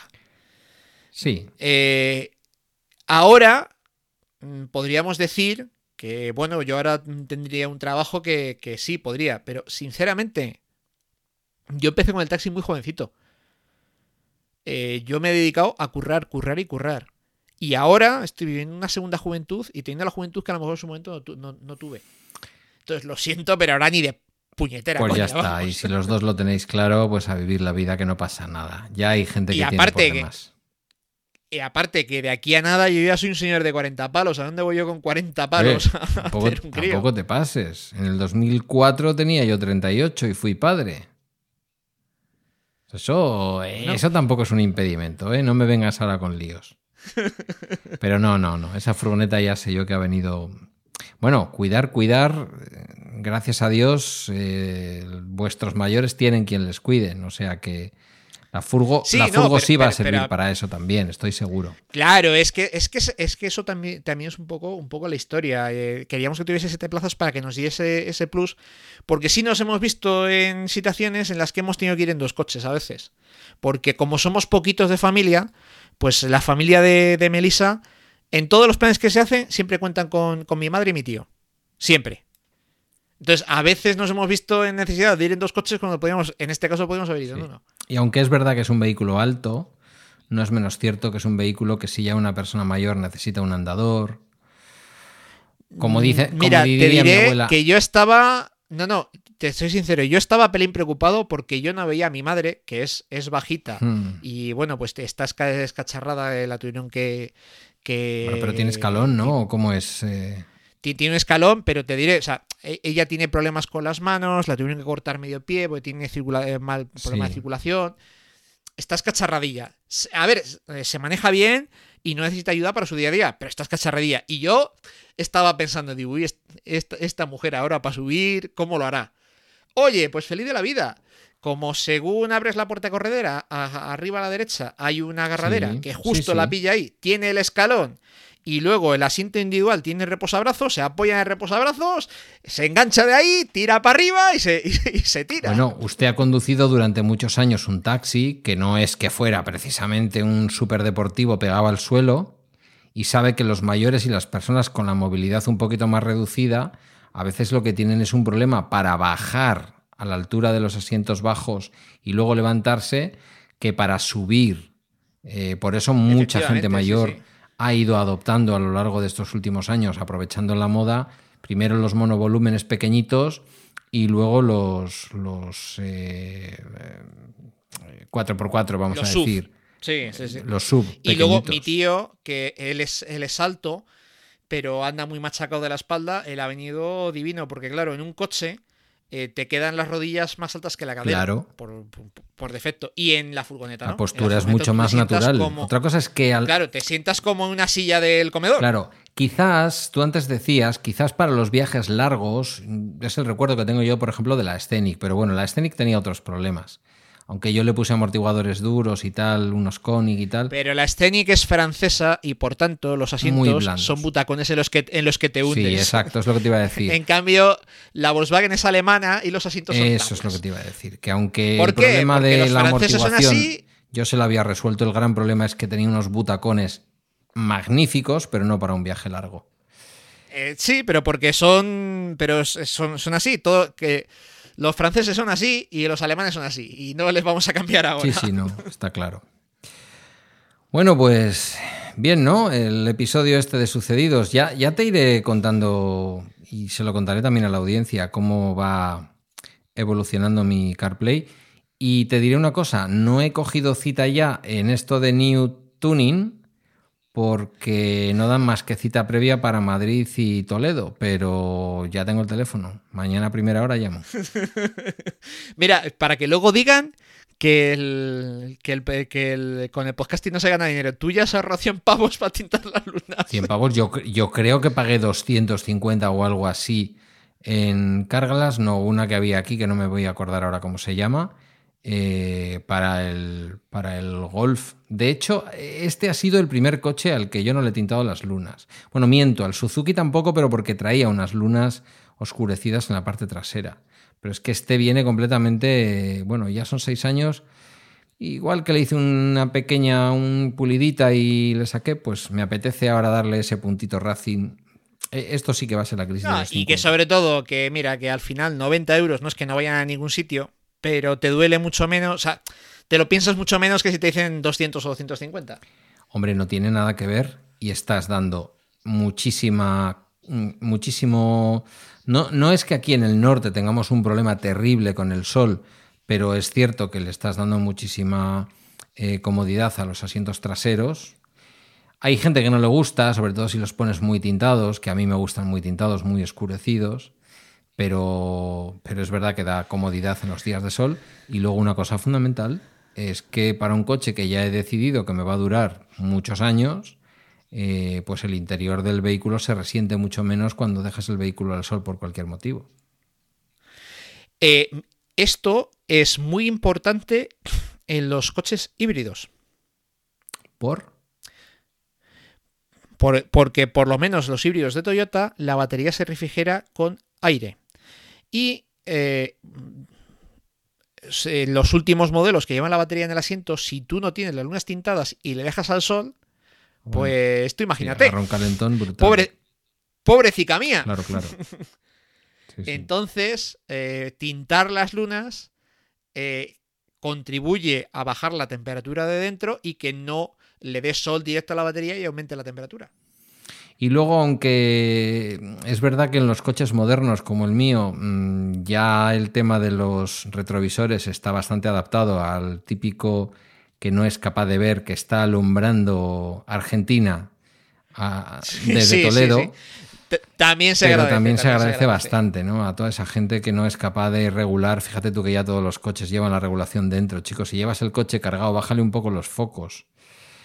Pues esa molestia te la quitan. Pero no, no, a mí es que además estéticamente me gusta. Y yo creo que blanco con, con el negro piano va a ser un negro como la copa de un pino.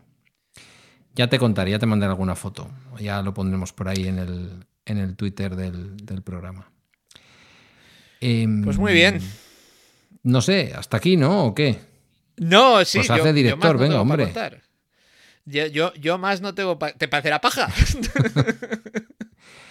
No, no, muy bien, ¿Te muy bien. paja? Muy bien, ya. Eh, lo que sí, a ver, aunque no he llegado a comprar el coche en Alemania, eh, lo he visto muy de cerca, así que ya comentaremos un poco, por si alguien se anima, eh, un- lo que parece que hay que hacer. Claro, va a quedar feo decirlo sin haberlo hecho, pero por lo Bueno, que he leído y investigado he bastante, investigado, eso está bien. efectivamente. Así que mm, eso le cuento, caballero. Pues nada, casi dos horitas. Entre una cosa y otra, nada que le metas música, nos vamos casi a las dos horas. No se quejan los Sí. oyentes. Hemos estado tres meses sin grabar, pero oye, programa. ¿Sabes? Nada, eh, Mecánica Poz, el podcast trimestral del motor de web Que no es cierto, hombre, que no es cierto. Que tú sabes que en octubre vamos a estar grabando otra vez, si no antes. ¿Cómo, cómo me Bueno. cabré yo con el CarPlay y tenga problemas? Grabamos antes. Sí, no, pero te bajas, te cambia la radio y grabamos en directo, ¿no? Eh, bueno, Oye, pues, pues pod- podría ser un, un experimento y grabar un programa eh, mientras te voy cam- eh, cambiando la radio. Mira, si todo va bien, no vamos a tocar nada. Pero llegado el caso, si tiene que producirse, me comprometo a bajar el. Me comprometo a bajar el rode que va por, por Lightning y lo manejamos. Y vas dando explicaciones de lo que vas haciendo. Yo hago de reportero y tú curras. Eso sí, el Vale, lechazo lo pago vale. yo luego. Bueno, Pedro, Bueno, campeón, que eh, me alegro mucho de tu te- te compra diría- y que espero que la, te diría que que, disfrutéis. si- si lo vas a hacer, que- si lo vas a hacer, eh, eh, ahora empiezan las, las fiestas de Valladolid, que si te vas a bajar es buen momento. Sí, estoy yo ahora volviendo al trabajo. Dame, dame hueco, quedándome hueco. Madre mía, cómo estoy. Que te digo que, Bueno, que nada, que la, que la que no la rompáis, pero que la disfrutéis con, con muchísima salud. Me parece, me parece una compra muy interesante. Por de pronto, como usted se puede imaginar, tiene una cita obligada en junio todos los años. y también, a ver, también el tema de la furgo venía porque al final estamos rodando con el CT más de lo que habíamos pensado. Mm. Eh, por tener tiempo libre y el CT tiene ya 202.000 entonces para un poco salvaguardarle Bueno, está bien, está bien. Que, mm, que le podéis llamar la Rozi, como la nave de The Spans. Aunque Ah. bueno, ya, ya me has dicho que no eres de ponerle nombre a los coches. Eh, no no no no la verdad es que no, no. No los, no Pero los bueno, llegas eh, a personalizar tanto. No, no llega a tanto tu manía. No, y a ver, yo les quiero como personicas, pero no les pongo nombre, no, no sé. yo qué sé, cada uno con sus enfermedades. Pues sí, es verdad, es verdad. Cada uno con las suyas. En el próximo episodio, mira que lo he contado algo en bala extra, pero en el próximo episodio voy a contar el extraño caso de, de la pareja esta que aparca delante de casa y las medidas de precaución que toman, bueno, que le grita la señora al señor. Mm, ya te contaré cómo lo hacen, porque es curiosísimo. Curiosísimo, curiosísimo. Por cierto, se protegen mucho de aparcar cerca de furgonetas como la que te has comprado. Sobre todo si llevan, cito literal, a grito pelado, como lo dijeron, escaleras de esas en la parte de atrás. Refiriéndose a los de soportes de bicicletas. Digo, madre mía, la señora Monse diciendo que esos son unas escaleras. Bueno, oye, técnicamente por poder. Sí, sí, por poder puedes subir arriba y, y colocar maletas como los antiguos autobuses que iban por la geografía española. En fin. Bueno, bueno. caballero. Que, Un placer. Un placer. Y para la audiencia un saludo también de mi parte. Adiós.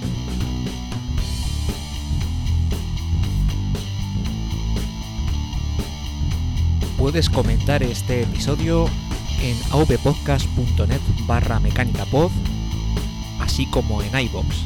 También puedes contactarnos en mecanicapod.gmail.com o a través de Twitter, arroba mecanicapod. Y si te ha gustado este episodio, por favor déjanos una reseña en iTunes. Verdaderamente ayuda a que este podcast llegue a más gente.